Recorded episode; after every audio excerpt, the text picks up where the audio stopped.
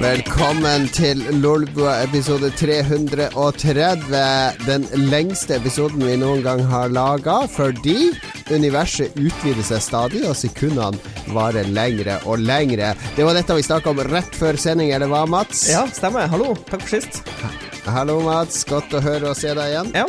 Nei, vi, vi hadde jo han Frank i bilen, og da snakka vi jo om at eh, universet utvider seg. Så i, i teorien så blir sekundene høyere og bredere og lengre og rundere og ja. Hvor, hvor henter vi sekund fra? Er det Hei, Lars, fra forresten. Hallo? Ja, hva er det den rare stemmen? Hvem er dette? Tenker Jeg lytter nå. beklager. Jeg tar selvkritikk. Jeg reverserer til For vi hadde også med oss en tredje, bil, en tredje person i bilen. Hvem var det? Eh, ja, Lars Rikard var med. Er du med oss nå, Lars Rikard? Hallo, jeg er her.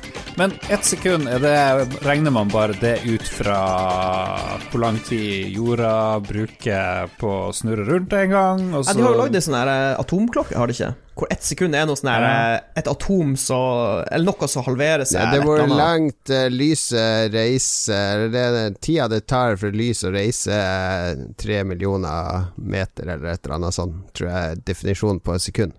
Ja, så de har en sånn her en tre, De har en sånn tremillioners metermål.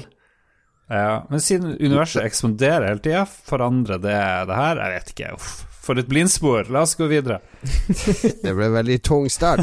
La oss gå videre med å gi hverandre et kompliment på utseendet, eh, Lars. Det, vi kan begynne vi to se litt på Mats. Hva er det du vil komple, gi han et kompliment på? Eh, For dette er en del av covid-tiltakene våre. Vi sitter hjemme alle sammen, eh, blir deprimert, det er mørkt ute. Så da tenker jeg kompliment. Det kan også være en liten oppmuntring. Lars, Ja, hva, hva vil du komplimentere Hva heter det? Komplimentere? Ko hva? jeg vet ikke. Det må vi gå videre. Vi gir han et kompliment.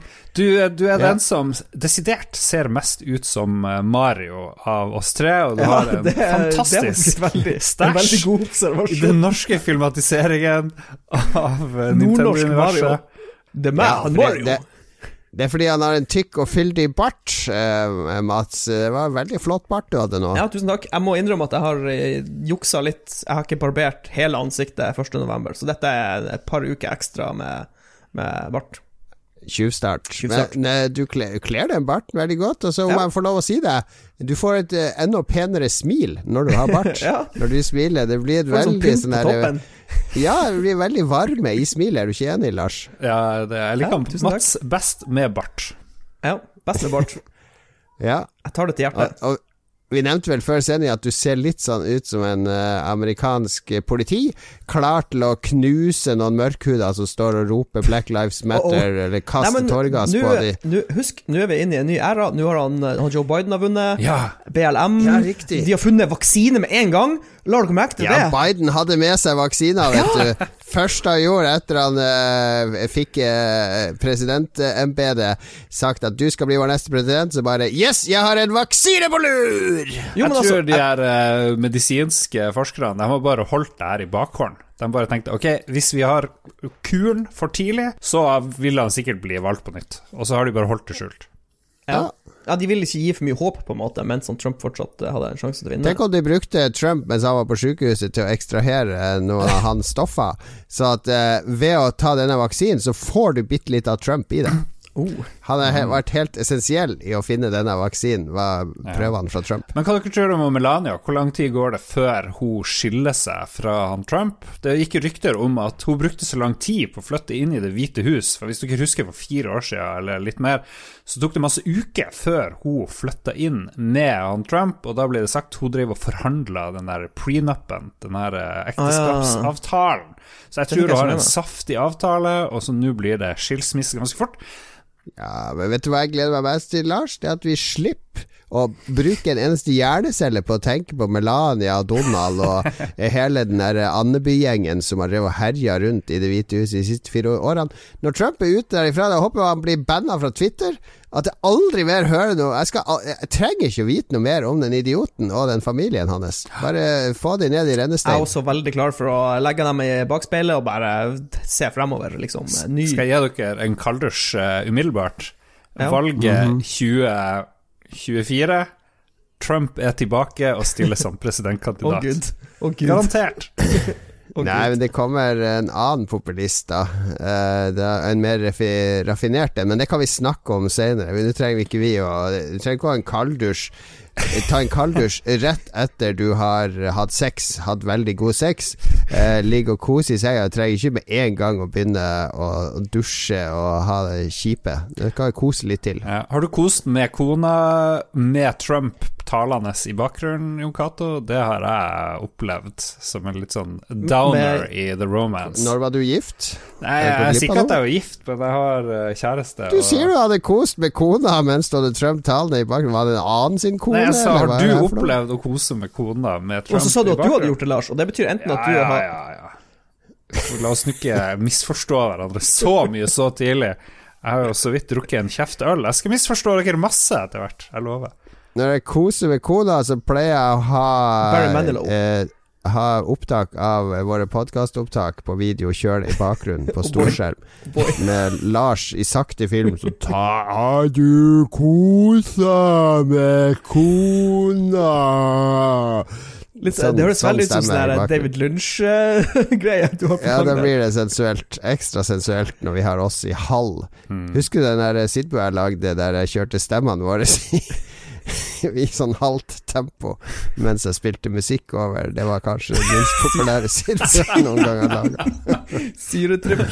Ja, det var dårlig. Eh, apropos kosing, når man har seg Når man enten ikke har noen tilgjengelig, eller du bare får umiddelbar kåthet, og så driver du og runker litt, sånn små Litt sånn Ikke Hva er sånn det skjedd nå? Er det blitt eh, Skal du lage sånn sexpodkast?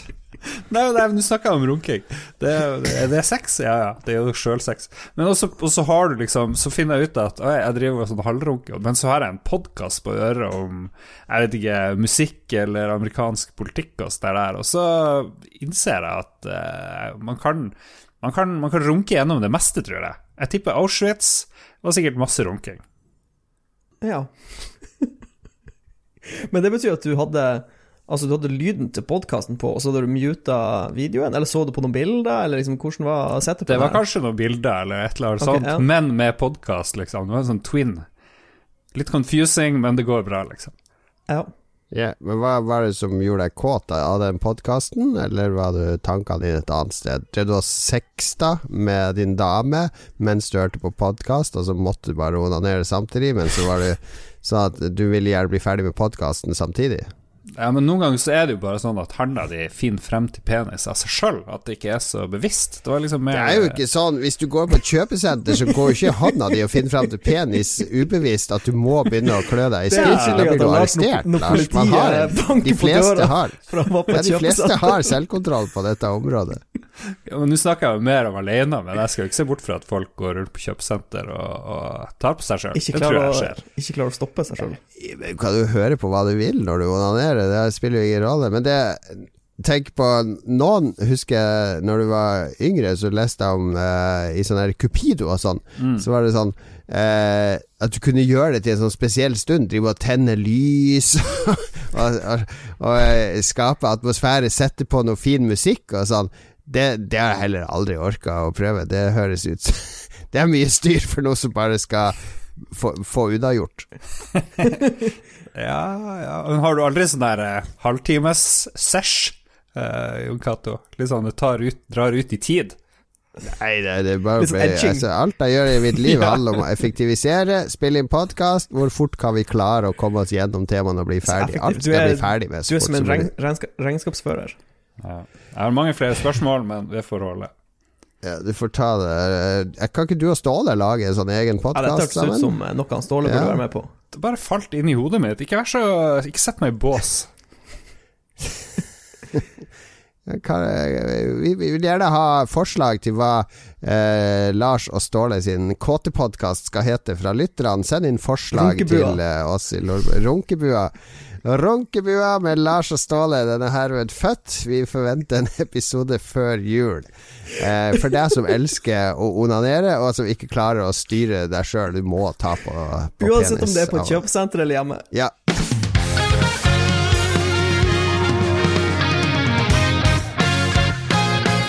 Men vi har helt hoppa over vår første spalte. Vi spora helt av her. Hva har skjedd, tenkt, uh, gjort siden sist?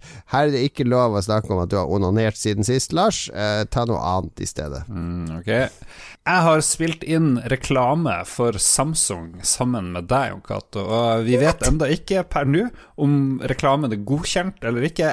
Vi heller vel litt mot det siste, at det her må vi gjøre på nytt, kanskje. Men har, har dere sendt inn én lydfil, liksom, eller har dere sendt inn flere? Vi har sett inn ei som skal bli klippet av våre uh, vår, uh, samarbeidspartnere i moderne media, så skal Samsung godkjenne den. Jeg tror det gikk helt fint. Uh, de, ja. Ble det en jingle, eller er det bare at dere snakker? Det, er, det blir sånn reklamelyd først, og så er det vi som snakker om den. Ja, Ukas sponsor er det, det, Og så har du sett de youtuberne, når de snakker om sine produkter, så er det jo 90% humor, liksom og, og 10 produktet, så jeg tror ikke det burde være Ja, Jeg lurer på om vi må være sånn Stian Blipp for at de aksepterer det, ikke sant? For vi er jo bare to idioter, to sånne noldiser. De er jo Basically så har de dytta sine Samsung-armer opp bak hos oss, og så styrer de munnene våre sånn her eh, Helt jo, perfekt det, hva vi skal si. Er ikke det fantastisk? Ja, men jeg, du var mer seriøs enn meg, Jon Cato. Jeg var litt mer sånn tull og tøys. Jeg er alltid mer seriøs enn deg, Lars. ja, ja, ja, men eh, jeg vet ikke. Det er jeg veldig spent på hva dommen Du kjøper deg en Samsung-TV, så bare si til butikken at du hørte på Lolbua at du burde ja, kjøpe den. Det var fantastisk, et fantastisk anbefaling fra Lolbua. Ja. Kan vi få lytterne til å lage de fremtidige reklamene, så slipper vi det? Kan vi heller få dem til å fikse den biffen? Ja, jeg tror ikke det går. Jeg tror ikke det går. Ja, ok. Jeg, jeg kan jeg, Apropos Samsung, forresten, så var jeg ute. Jeg skal ha hjemmekontor uh, fram til uh, i overskuelig framtid. Ut livet, antagelig. ja, for du er jo i karantene, hørte jeg. Du blir jo beordret i karantene av Folkehelseinstituttet. Det kan den der andre Jalla-podkasten få ha for seg sjøl. Det trenger vi ikke å snakke om. Jeg ble oppringt av tulleringt av noen i Ragequit. Det var 80-tallet som ringte, og plutselig var tulleringing tilbake på menyen. Mm. Men det kan du høre om i Ragequit, vår sidepodkast. Men eh, jeg var ute Jeg skal jo jobbe hjemmefra så lenge jeg kan se for meg, egentlig. Den pandemien her tar jo ikke slutt med det Hele første. livet ditt. Nå snakker de allerede om en tredje bølge og sånn. Men kanskje det er en vaksine nå. Vi får se. Eh, så da tenkte jeg jeg må ha litt bedre eh, utstyr hjemme. Jeg har jo en Macbook jeg jobber på, men så jobber jeg også en del på PC-en, for den er litt raskere og bedre egnet til masse ting. Så jeg ble veldig frista da jeg så vår venn eh, Dag Thomas hadde vært ute og skaffa seg sånn 32 9-skjerm, sånn Samsung G9. Den nye ja, liksom, gaming ultra widescreen-skjermen til Samsung. Så tenkte jeg ja ja, why not? Da får jeg Hvis det øker min effektivitet, så hvorfor ikke? Så jeg var ute og skaffa meg en sånn på Power, og det er veldig deilig å ha så brei skjerm. Du blir utrolig fort vant til det. Du klarer ikke å lure noen til å tro at det her er fordi du skal være mer produktiv på jobb. Det er bare å glemme. Ja, men Jobben min er jo også å prate om spill her i Lolbua, er det ikke det? Eh, og jeg var litt eh, spent på Nå er jo, Det er jo ikke mulig å få tak i PlayStation 5, Xbox Series X. Det bryr jeg meg overhodet ikke om. Jeg har jo PC å spille på.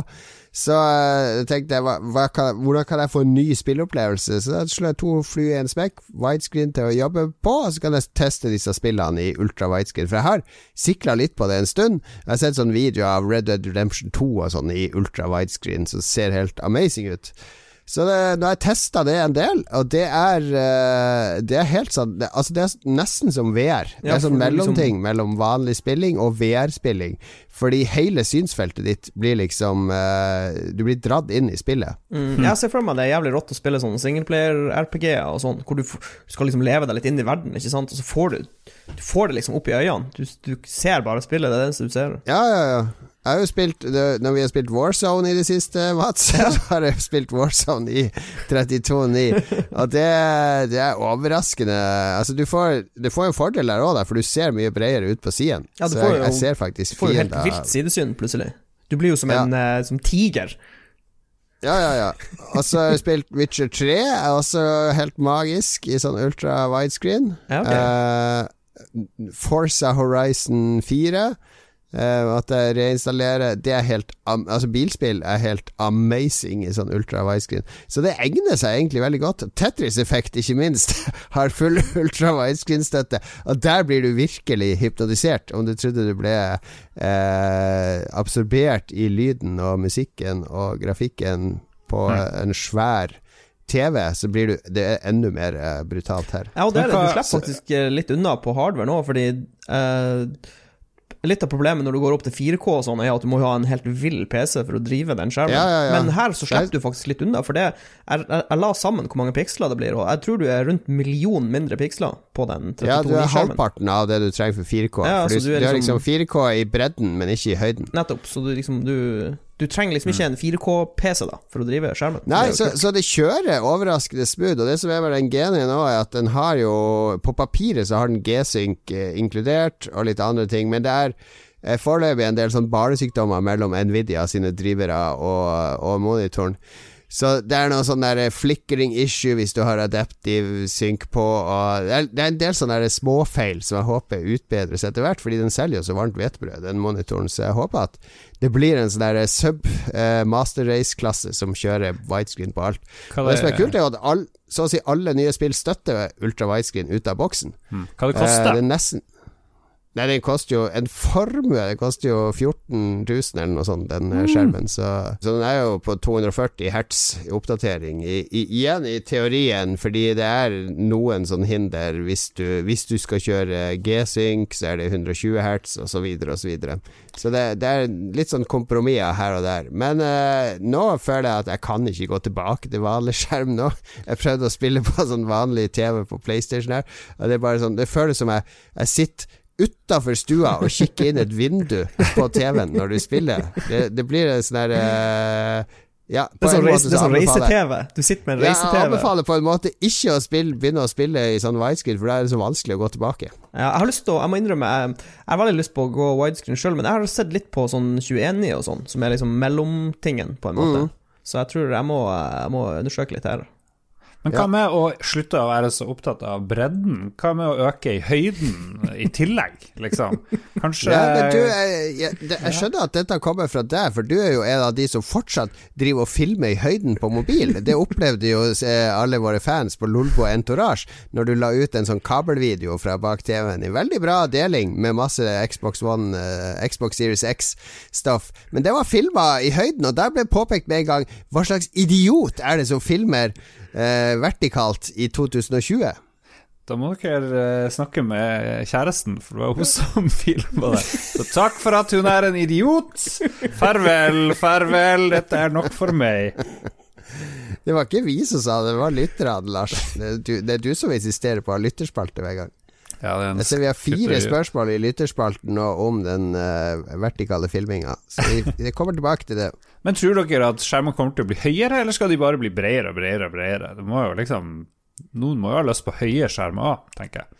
Jeg tenker Hvis du er sånn her eh, børsfyr, så har du sikkert lyst på en sånn høy skjerm, for da kan du ha alle aksjene og sånn nedover. Så kan du se liksom på alle aksjene om de går opp eller ned. Ja, det er jo meningsløst å ha det i høyden, fordi hvis du skal se litt nat naturhistorisk på det her, Lars, altså bruke litt vitenskapelige greier. Ja, vi, vi mennesker har jo vært et byttedyr i alle år, og da skanner vi horisonten bredden i synsfeltet for å se kommer det noen farer, kommer det noen tigre, kommer det en mammut, kommer det en sabeltanntiger, eh, eh, kommer det noe som skal drepe meg, ikke sant? Det er veldig få ting i høyden som har drept oss. Ørner og sånne ting har ikke vært så aggressive. Så at vår, vårt synsfelt er jo vårt, Våre øyne er jo laga for å se bredest mulig, for å oppfatte farer. Jeg har en teori om at det er derfor vi, det er derfor vi eh, også har gått glipp av alle de ufoene som besøkte oss, for vi ser så lite av det som foregår over oss. Ja, ja, ja, ja. Når jeg går tur i parken og spiser is, så ser jeg til bredden Kommer det noen hunder, kommer det noen katter skal slikke på isen min, og så plutselig splett, så har jeg den der måkebæsjen rett oppå isen min, for jeg fulgte ikke med oppover. Nettopp. Jeg så ikke den faren ovenifra. Det er jo som på han sir David Attenborough eh, med oss her. Thank you for joining us, Mr. Attenborough. Uh, very, ple- uh, very pleased to uh, participate in this uh, uh, tremendous podcast uh, uh, in Norway. This beautiful country with, with the fjords uh, and, and animals you cannot find anywhere else. And also home of Greta Thunberg, uh, I assume. Yes. Yes. close. Have you been So a lot to uh, to Japan, uh, Sir David? It sounded almost Japanese English uh, today. It's a terrible, terrible country, Japan. Uh, barbaric people. All the Asians are very barbaric people. Ok, enough, enough, thank you, goodbye. Ja, ja fikk vi han Sir David òg med. Det var Ja, litt sånn spontant. Han ble jævlig rasist på sine gamle år. da. Er det, da, Norgesvenn. Er det ingen som har han i Deadpoolen sin? Norgesvenn. Nei, vet du hva, det, det vil jeg ikke. Nei. Han er jo en skatt. Lurer på når Donald Trump skal dø. Jeg tror han blir jo leve lenge. Jeg tror han har gode gener. Han bare seilte gjennom eh, covid-19. Det er jo helt sykt. Tenk at han skulle gjøre det. Slutt å snakke om Donald Trump. Nå er det Donald Trump-fri sone her. Han er ute av valget. Det er bare lov å snakke om Biden og Mats. Eller du kan snakke om uh, verdens beste talkshow-vert som døde denne uka, nemlig Alex Trebek. Verdens beste meg i ræva. Vi har ikke sett på han i det hele tatt. Hva han hadde Jeopardy. Moron for 500. Jeopardy. This North Norwegian podcast personality bortsett fra det. is Bortsett fra det her Jeopardy. Jeopardy. Enhver nisse kan vel stå der og prate foran en skjerm? Nei, det er vanskelig jobb. Husk i Norge, så var det jo Husker du hvem som var programleder for Jeopardy i Norge? Faren til han Kristoffer Schou. Ja, han Finn Schou. Han var ikke i nærheten av Alex Trebek, beklager, Finn Schou. Men Alex Trebek var du aldri med på vorspiel nede hos meg på, på Skillebekk med Nintendo 64 Sikkert Der vi spilte Jeopardy på Nintendo 64, for der var det masse speech av Alex Trebek. Det var jo, var jo klassiker å spille Jeopardy på N64 på vorspiel. Husker ikke det så mye, altså. Nei. Mats, fortell hva du har gjort i det siste, så får vi avslutta denne Ja, spalten. det- det, det det 20 kommer til å- for lenge, som vanlig. Det, det kommer til å eh, ta veldig kort tid. Fordi yeah. Jeg har gjort sånn som kommuneoverlegen i Harstad har bedt oss om å gjøre. Jeg har holdt meg innendørs. Jeg har ikke hatt kontakt med noen. Jeg har vært på butikken og Det, handla men det hadde du jo gjort selv om han ikke hadde bedt deg om det, stort sett. Nei, men altså, jeg, det syns jeg er litt urettferdig å si, for jeg bruker noe, Jeg har nå mine ting jeg bruker å farte rundt med, liksom, men uh, nå har jeg gjort det som han har bedt om, og jeg har ikke vært på trening, vi har stengt barneanlegget, jeg har ikke vært hos mor og far, jeg har ikke vært hos søster, jeg har ikke vært hos Lars. Så liksom, jeg, Nei, jeg holdt meg innendørs, så han har bedt om. Men du er jo i den faresonen med de som kan bli veldig ensomme, fordi du har ikke noen partner, Nettopp, eller jeg bor jo alene. eh, Du har ikke noe jobb heller som du kan jobbe Lars jobber jo hjemmefra, men har jo kontakt med kollegaer over Teams eller Skype eller hva de bruker i mediebransjen. Du sitter helt alene og isolert. Eh, Det, det kan jo tære på deg. Kjenner du på Har du fått cabin fever ute på Trondnes? Er, jeg tror jeg er bygd litt annerledes, fordi Sånn som hvis de skulle sendt en sånn fyr ned til sånn her, på en sånn base i Antarktis, jeg tror jeg kunne takla det helt fint tolv måneder. Jeg, har, jeg syns det er bare trivelig å sitte alene og chille. Men det skal, sies, det skal sies at eh, hver kveld eller så å si hver kveld så, så henger jeg liksom på Discord med folk, enten å bare prate skit eller å spille noe. Så har jo Ja. liksom, man har jo en viss sosial kontakt. Men hvis jeg hadde Ja blitt fratatt det, og ikke hatt noen jeg snakker med, liksom, da hadde det rabla for meg. Det er jeg ganske sikker på. Du vet eh, det viktigste spørsmålet jobbkandidater får når de skal til Sydpolen, det er Vet du forskjellen på en hund og en ting? Det er faktisk det, det eneste spørsmålet du trenger å besvare. Ja. Det, det der har jeg faktisk tenkt litt på denne uka, fordi jeg så en sånn film som heter Dog Pound, eller noe sånt, sammen med kona mi, om en sånn ungdomsfengsel i USA. En ganske bra film, faktisk. Og der er det sånn, det er jo et helvete. Det er bare gutter mellom 12 og 18 år, og narkotrafikk, og driver og stabber hverandre, og tar fra skoen til hverandre. Bare sånn terror og mishandling hele tida. Og så er det en av de ja, isolat i tre dager. Så tenkte jeg Hvorfor, hvorfor syns du det er så ille? Hadde jeg vært i sånn fengsel omgitt av idioter hele tida, hadde jo syntes det var fantastisk deilig å ligge tre dager i mørket bare med meg sjøl og slappe av. Hva, hva er så fælt med å være på isolat? I alle sånne fengselsfilmer så er det 'Å, jeg er på isolat', Åh! så kommer du ut, og så er du helt sånn der haugtullete. Ja, men eh, du har aldri vært i ordentlig isolat. Du er lost inne, og det er ingenting å gjøre i det isolatet, omtrent. Så lenge jeg har hodet mitt, så har jeg fantasi nok til å gjøre masse. Jeg kan jo lage brettspill oppi hodet mitt, jeg kan skrive bøker, jeg kan spille brettspill med meg sjøl. Kanskje bare jeg som har så livlig fantasi. Vi kan ta og gjøre et eksperiment på neste hyttetur. Vi bare låser deg inne i et rom, og så må du være der i tre dager.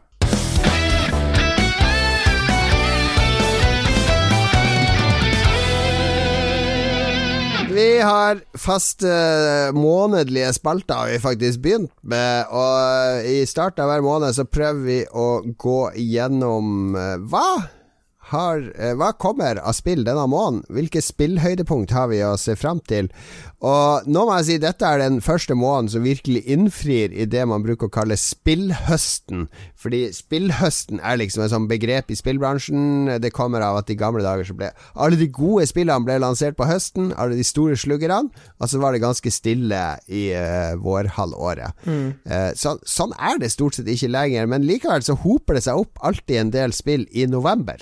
Ja, men det er jo fordi folk bruker mest penger i november-desember, kanskje? Ja, det er thanksgiving, det er Black Friday, det er rett før jul. Uh, altså, alle skal posisjonere seg før dette julesalget. Og, uh, og, det betyr at vi har ganske mange spill på titlene så nå må vi huske Spill på titler, spill på lista nå. Så da må vi huske uh, greia her at vi skal gi tommel opp eller tommel ned. Så de spillene som får tre ja. tomler opp, de er altså endorsed av Lolbua. Det er spill som du virkelig bør sjekke ut i denne måneden. Da begynner vi med to spill som allerede har dukka opp, og begge de er såkalte racingspill. Eller hvis du er sånn norsk bondeknøl, så sier du bilspill, fordi vi kjører bil. Da er det bilspill. Det er jo ikke noe galt å si bilspill. Jesus Christ, for rasisme mot uh, nordlendinger. Det, er ikke, det var en nordmann, det var ikke en nordlending. Det som er så, det som er så bra med sjangeren bilspill, er at uh, Eurotruck Simulator og alle de spillene der kan også brukes innenfor den sjangeren. Ja, men hva med Wipeout? Det er jo en uh, slags ja. bil, er det ikke? Det er et futuristisk Den har ikke hjul, den har ikke hjul da. Nei, den har ikke hjul. Farkostspill! Farkostspill, skal vi kalle det. Samferdselsspill. Nei, det jeg hater begrepet bilspill. Å ja, du spiller Call of Duty Warzone.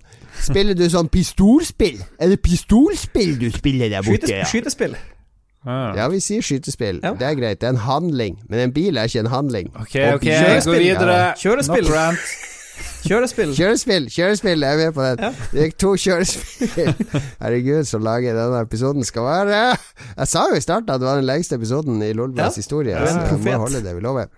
La oss ta det første kjørespillet først. Uh, det er en remake av et ti år gammelt spill. Need for Speed Hot Pursuit Remastered, som det så fint heter. Dette er jo et av de bedre Need for Speed spillene i nyere tid, vil jeg si. For i dette spillet så er det politi mot røvere. Mm. Veldig tidsaktuelt med Black Lives Matters og, og riots osv. i USA. Eh, eh, er ikke de, de, som er kjent for politisk spill, men det er nesten litt politisk å gi ut et sånt her spill nå der man skal leke politi og røver. Snakk for deg sjøl. Så du at det var ti år gammelt, og så er det Electronic Arts? Skulle ikke alle Electronic Arts-spill være sånn her eh, hva det heter GamePass-aktig, eller husker jeg feil? Jeg tror det er før fra desember, da. Ah, ok, ja. Hør, hør, han har fått gratis Xbox, eller? Jeg skal ikke dette være på Gamepad! Er dette på Gamepad? Kan jeg spille dette nå? Kan jeg spille dette nå? Ja, jeg er jo plutselig blitt en Xbox-mann med GamePass. Ja, ja, ja. Jesus, så vanskelig var det å kjøpe Lars. Bare send han en konsoll i posten. Kjøpt og betalt. Fort gjort. Samsung Q800, veldig bra TV. Jeg spilte ikke så mye Hot Pursuit når det var nytt for å være helt ærlig, så Alle de her gikk jo i hverandre, det er umulig å huske hvordan de ja, var forskjellige. Jeg husker Nei, men dette husker jeg faktisk, fordi det, de politibilene er litt sånn pimpa. Det er ikke de trauste amerikanske politibilene. Det var liksom sånn der eh, Lamborghini med politi. Ja, og en sånn eh, Dodge Charger sånn med V8 og 700 hester og ja. Men så, det var litt kul multiplayer i den, fordi du skulle liksom ramme og så videre. Eh, biler av banen. Vet du hva den heter, den eh, manøveren når politiet eh, tar borti baksida av en bil for å få den til å kjøre ut av i grøfta? Pit maneuver. Pit. Med to t-er, mm. dobbelt T. Pit. Det virker så Electronic, Art, Electronic Arts er på en liten sånn remaster-bølge, for de har jo akkurat sluppet nyheten om at uh, Mass Effect ja. skal komme en sånn legend-versjon med ja. de tre originale spillene. Hva du syns om det, Mats? Er du, er du klar? Jeg er klar. Jeg er veldig Shepherd. klar. Ja, er du gal? Jeg, dette er Jeg er om bord. Jeg er klar. Er du male eller female shepherd? Male shep. Jeg skal, jeg skal spille trans-shep. Det går ut fra at har, de har inkludert et tredje valg nå. Det er jo litt annen stemning for sånn nå i spill, så det burde de jo absolutt ta høyde for. Hvorfor skal man velge mellom to kjønn? Jeg så at um, i uh, Vi kommer til dette spillet senere, men i Demon's Souls, the nye Character Generation, så velger du bodytype A eller bodytype B. Du velger ikke gender. Så det er jo litt. Uh, ok, vi er der. Uh. Er ikke det blodtype A og B? Nei, altså de, de, uh, kroppstypen. Om du er liksom en mann eller dame, da. Men de, i stedet for å kalle det mann og dame, så kaller de det typ, type A og type B. Men er kvinne A eller er mann A? Det er det som er, det har ikke noe å si. Du, du kan sikkert eh, Det er sikkert flytende overgang, vil jeg tro. A og B. Jeg kunne kalt det strong og weak. Nei, det blir Oi, oi, oi, Yogato. Oi, oi, oi! Uff. Uff, Det er et er minefelt, det er et minefelt. Det er litt for edgelord her, da. Men jeg tenker noen er, er, Det er kanskje ingen endring i den Mass Effect remasteren. Hvorfor snakker vi om den nå? Vi skulle snakke om Need for Speed, gutta. Nei, for vi snakker om Electronic Arts Speed, som en eh, enhet. Hot Pursuit. Tommel opp eller ned, Lars? Uh, tommel ned, faktisk. Nei, jeg gir tommel opp. Mats? Eh, jeg gir tommelen til, til sidelengs, går det an å gi? Tommel i ræva. Første, første spill vi snakker om, så skal vi begynne å tøye og bøye reglene. Jesus lord! Er det, langt, er det rart disse episodene tar tid? Opp eller ned, Mats? Du klarer det. Ok, jeg gir det tommel ned, for jeg bryr meg ikke om det. Har du noen gang sett Julius Cæsar? Eh, eh, gladiatoren står der ute klar til å hogge av hodet, og Julius sier Nje, nje, ja, hvis du føler for det, så kan du jo hogge av han hodet. Nei, nei, nei, opp eller ned? Jeg sa, jeg sa jo akkurat tommel ned. Hvis du Ok, hadde fulgt to med. ned, Jesus. opp. ned, en opp. Du var for opptatt med å gjøre klar din Cæsar-analogi. Ja, ja, ja, ja, ja. Jeg er alltid, alltid opptatt med analogi. Ok, et annet bilspill, da.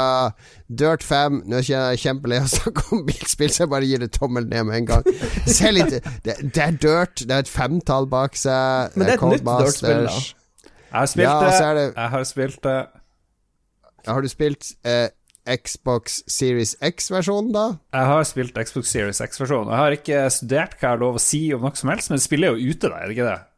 Men maskinen er ikke det ute. kommer Kommer til jo å se ut 6. november, så Ja, ja. Ja. Jeg har spilt, uh, spilt førstebanen, Henningsvær. Du kjører rundt i Henningsvær. Hadde det What? veldig artig. Ja, ja, ja. I Lofoten, liksom. Ja, ja. Du er ute okay. i skjærgården og kjører. Da ble jeg og- øyeblikkelig litt mer interessert i Dirt 5, kjenner jeg. Jeg spilte Jeg i sånn fem minutter. Jeg gir tommelen opp. Og, ja. Bare fordi jeg liker rally. Jeg er veldig glad i rally. Ja, ja, ja. Jeg gir tommel ned. Jeg hater rally. Er det, jeg, men jeg, fikk du det spillet gratis? ja. Ja. Tommel opp. Gratis! Gi meg spill! Da blir det tommel opp! Need for Speed Hot. Eh, Her hører du EA. Hvis du vil gi en tommel opp til Need for Speed, bare send det til Lars. Faen hvor mye spill dere får gratis. Jeg får ingenting gratis lenger. Nei, jeg har fått det neste spillet gratis òg. Assassin's Creed Valhalla. Yeah, boy, jeg har ikke prøvd det. Jeg har ikke fått uh, Jeg er klar for Valhalla. Tommel opp. eh, 10. Jeg vil spille november. Viking. Vi trenger ikke å si så mye om Assassin's Creed Valhalla. Jeg går ut fra alle vet hva det er. Kommer nå i, I i morgen, eller i går, faktisk, når du hører denne podkasten. Var mulig å kjøpe for 109 kroner for Ultimate Edition på Uplay Store tidligere i dag, men jeg tipper vi alle får mail om at uh, sorry, Mac, det burde du skjønt var feil pris. Ja, det var litt artig. Det er mange som kasta seg på det, men så var det noen som sa nei, vet du hva, jeg har lyst til å betale full pris, jeg vil støtte utviklerne. Var det noen som sa. Så det, Ja, noen har moral, noen har ikke det. Jeg har ikke fått spilt Assassin's Creed Valhalla. Jeg har spilt sånn sikkert ti timer til sammen Assassin's Creed. Mitt liv klarer aldri å bli bitt. vent, vent, vent, vent. Er det han som har tigga seg til å få det gratis, som kritiserer eh, andres moral for å kjøpe det på tilbud? Jeg, jeg jeg, jeg, fikk det uten å be om det, så nei takk, jeg har ikke tigga meg til Assassin's Creed Valhalla gratis. Ja, det, og det første du gjorde når du fikk det, var å spørre i redaksjonen Ragequit og Lolboa Hei, er det noen som har lyst på kode til Assassin's Creed Valhalla, som kan snakke om det på podkasten? Eller bare laster det ned og sier 'Jeg har ikke tid til å spille det, men jeg har fått det gratis'. jeg fikk det sammen med en annen. Jeg tror ikke jeg kunne gi det bort. Det ville vært uh, juks. Okay, Ja. okay. Men uh, jeg har som sagt, før jeg ble frekt avbrutt, så har jeg aldri vært fenga av Assassin's Creed-serien, så jeg må gi tommel ned. Jeg håper det blir kjempebra, men eh, mest sannsynlig så blir jeg ikke å like det. Jeg hadde neppe kjøpt det hvis ikke jeg hadde fått det. Veldig bra. Jeg hater alle spill som finner sted i Norge, fordi da blir vi nordmenn blir helt som blinde. Akkurat som kommer norsk musikk eller norsk film, da plusser man på et par karakterer ekstra, så gir det tommel ned i utgangspunktet. Ok, da, da står jeg alene mot stormen og gir to tomler opp til uh, Assassin's Creed Valhalla. Ei, Det er hvor? lov. Ei, hvor? Det er lov. Får, får mye gode anmeldelser, da, så det kan godt være at det er bra, men jeg, jeg har, jeg prøvde, jeg har liksom prøvd alle de nye Assassin's Creed-spillene. Jeg faller alltid av etter tre timer. Jeg orka ikke det der eh, Egypt-spillet, jeg orka ikke det der eh, har, Hellas-spillet. jeg må innrømme, jeg har et lite håp, og det lille håpet er at når du, åpner, når du kommer ut i den store verden og åpner kartet, at det ikke er sånn her million små ikoner på kartet. Det er liksom Jeg har et dypt håp om at det ikke er tilfellet, så får vi se om det stemmer. Hvis det er en million store ikoner på kartet. Ja, uansett, uansett størrelse på ikoner. Jeg vil ikke ha masse ikoner på kartet. Men har du spilt okay. masse Assassin's Creed, Mats? Bare litt sjekk. Nei, vet du hva? Jeg har, det siste Assassin's Creed jeg spilte, var Black Flag, og jeg storkoste meg med Black Flag. Ja, men det var ganske gøy med de, Ja, ski, med det skipet, med de og- skuten. Ja. Det, Så- det, det eneste som hemma det spillet, var at det var i Assassin's Creed-serien. At du måtte drive og snike og rundt og 100% følge etter folk og Det sånn. beste med Black Flag var når du fløy rundt på skuta di, og alle, alle var på dekk og sang sammen sånn sea shanties. Og, Men lagde ikke. Ubisoft et uh, piratspill sånn basert på det, ish? Nei! Eller? De, kun, Nei, de de kunngjorde et, men Ja, så ble det lagt litt på is. eller noe sånt. Og det skulle liksom komme for mange, mange år siden, og så har det liksom bare forsvunnet ut i eh, obskuriteten. Evig eies Det kunde gjorde- tapte. Det gjorde det. Uh, neste spill ut kommer også denne uka, nærmere bestemt i går, når du hører denne podkasten. Destiny 2 Beyond Light. En sånn stor Der tar uh, Bungie og skyller ned i dass, for den er så full av drit til Destiny 2 at de skyller ned, renser Destiny 2 og kjører et helt nytt uh, År fire har en helt ny eh, strømlinjeform enn tidligere år. Ja, for da var det det har blitt litt sånn forvirrende etter hvert med liksom hva er main story, hva er expansions Hvis du, hvis du kommer inn som en ny spiller nå, så er det liksom super confusing hva du egentlig holder Ja, ja, de skraper hele kampanjen og alt. De skraper levela, mm. hele det der eh, opplegget. De, eh, ja, jeg, blir, jeg er veldig spent på hva de får til. Jeg får kjempestor tommel opp hos meg. Ja. Uh, og Destiny 2, et av de spillene som er fantastisk i ultra widescreen. Det er virkelig optimalisert for ultra widescreen. Uh, Samsung. Ja. helt riktig. Tommel opp fra meg. Jeg gleder meg til å hoppe inn i Destiny igjen. Ok, jeg, skal, jeg kan gi en sånn her Mats-tommel til sida hvis de fjerner alt, og du må liksom begynne på nytt, nesten. Og det er Det er ikke lov med de til siden, men jeg kan si deg én ting. Ja. Tre år, Lars. Mm. Walt of Glass er tilbake. Ja, for det jeg tenkte òg, hvis jeg kan spille med Mats, Jon Cato, Ståle, Katarina, liksom gammelcrewet, det hadde Ja, kanskje vi, vært eh, kanskje vi kos. fyrer det opp igjen, da?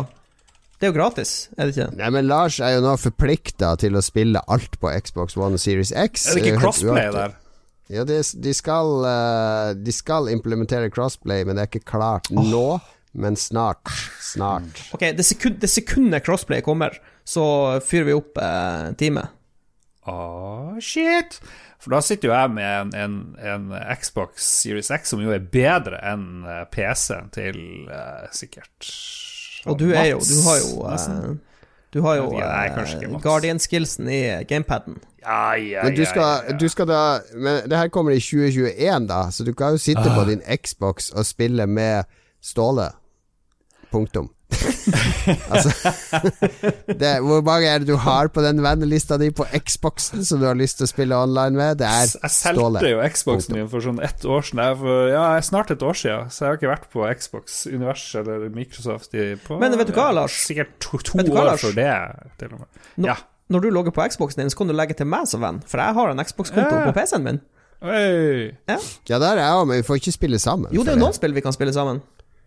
Mm, kan spiller ja, Kan vi spille, War, kan vi spille Warzone?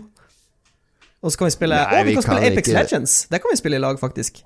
Ja, det er crossplay, Ja. faktisk. Så det er, Men, det eh, er, noen, det er noen spill. det, er noen spill. Ja. Ja. Ok, dere får to Tre eller to tomler opp. Tommel for meg. hvis jeg kan spille med dere og Volt og Glass, så er det faen meg tommel opp. Ok, okay. tre tomler opp, da. Det er bra. Og så kommer jo også i morgen, faktisk, kommer Spider-Man, Miles Morales. Eh, Nei, ikke til PS5, for den lanseres ikke i Norge for neste uke. Og er du veldig heldig, så kan du gå på elkjøp.no. Vi er ikke sponsa av Elkjøp, men jeg så jeg leste en sak at Elkjøp legger ut et lite antall PlayStation 5 for salg på eh, 19.11. Eh, da skal de kjøre det samme forkvakla tilbakestående køsystemet som de hadde på Black Friday i fjor. Husker dere Elkjøp på Black Ja, Friday Gud. i fjor? De gjorde sånn Å, nettsida er liksom nede, du står i kø for å komme inn Ja. i nettbutikken. Noe av det dummeste jeg har sett. Vi skal kjøre akkurat Veldig De skal kjøre akkurat det samme opplegget for PlayStation 5. Så klokka 10 og klokka 1 så har de to ulike køer. Der hvis du kommer deg inn, så får du sjansen til å kjøpe en PlayStation 5, som de lover å levere før jul. Uh, altså ikke på launch, men før jul. Ok. All right. Det Spiderman Miles Morales er jo kanskje flaggskiptitlet til eh, PlayStation 5, sammen med, med Demon's Souls, som vi skal snakke om straks. Eh, noen av dere Lars har sikkert fått kode til Spiderman Miles Morales på PlayStation 4 allerede, men det er en kode han har printa ut og tørket seg i rumpa med, fordi når du først har gått next gen, så går du ikke tilbake til last gen. Har jeg rett, Lars? Ja, det frister ikke veldig. Jeg har liksom dratt ut ledninga til PlayStation 4 og putta inn eh, Oi. Xbox One der, men eh, jeg, tror, jeg tror ikke jeg har fått noen kode nei, til eh, Miles Morales, men jeg har ikke sjekka. Det har jeg ikke. Men, Men eh, eh, fri, hadde det frista å spille det på PlayStation 4 hvis du hadde fått kode til det nå, når du ser forskjellen på PlayStation 4 og PlayStation 5-utgaven? Det er et reelt spørsmål, men det er mest det at jeg er blitt vant til at maskinen er på med en gang jeg trykker på knappen, spillene laster inn med en gang, og du bytter spill kjempefort, så det å gå tilbake til PlayStation 4, det frister ikke så mye, det gjør ikke det. Ja, Nei, jeg, jeg har jo aldri spilt det første Spiderman, men begge ungene har spilt det. De var stor fan av det. Så jeg skal, jeg skal gi det en tommel opp på vegne av ungene. De hadde likt å spille Miles Morales, tenker jeg. nei, eh, ja, jeg kan jo jeg kan gi en tommel opp, jeg òg. Jeg har ikke spilt eh, det forrige, jeg heller, da, men det ser jo unektelig kult ut. Det er bare at jeg har eh, spilt veldig lite PlayStation i det siste, så ja. Jeg, jeg likte jo ikke det første, så tommel ned. Ok, Ja. okay, okay, okay, Hvem var det du så Spider-Verse med? Jeg torde ikke si navn. Det var noen? Det var, eller jeg tenkte jeg skulle ikke name-droppe hun, hun jeg er sammen med. Så, Ah. Ja. Romantisk date med Spiderman Hun into the. Spider-Verse. Sovna? ja, eller hun fulgte nok ikke med, i hvert fall. Irriterer det deg når du skal, hvis du setter på noe som du syns er kjempebra, og så sitter kjæresten og er mer opptatt av telefonen? Det irriterer ganske mye, men det har ikke skjedd. Det er mer at det sovnes av. Det er ikke sånn sitte og se på telefonen. Det er det ikke. Okay. Men det, det er irriterende uansett om det er kjæresten eller eh, en venn, eller uansett. Hvis du setter på en Ja, film og de sitter på telefonen, så jeg kjenner jeg blir Ja. skikkelig irritert. Ja, jeg er enig. Det er litt provoserende. Ja. Enig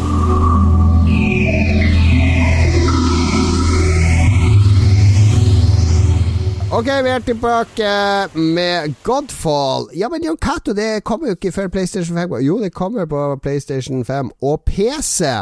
Uh, helt jeg, jeg har ingen tro på Godfall i det hele tatt. Det, var det første forklare det spillet litt for som meg ble det det, er sånn som Darksiders og sånne spill. Altså sånn der, okay, ja. Du løper rundt i en 3D-verden og slåss, og så får du lut, og så jada, jada, jada, bla, bla, bla. bla, Jeg ser videoen nå. Altså, altså, det var det første spillet som ble kunngjort til PlayStation 5, så det fikk jo masse oppmerksomhet fordi Å, det første PlayStation 5-spillet her, men det kommer på PC nå denne uka.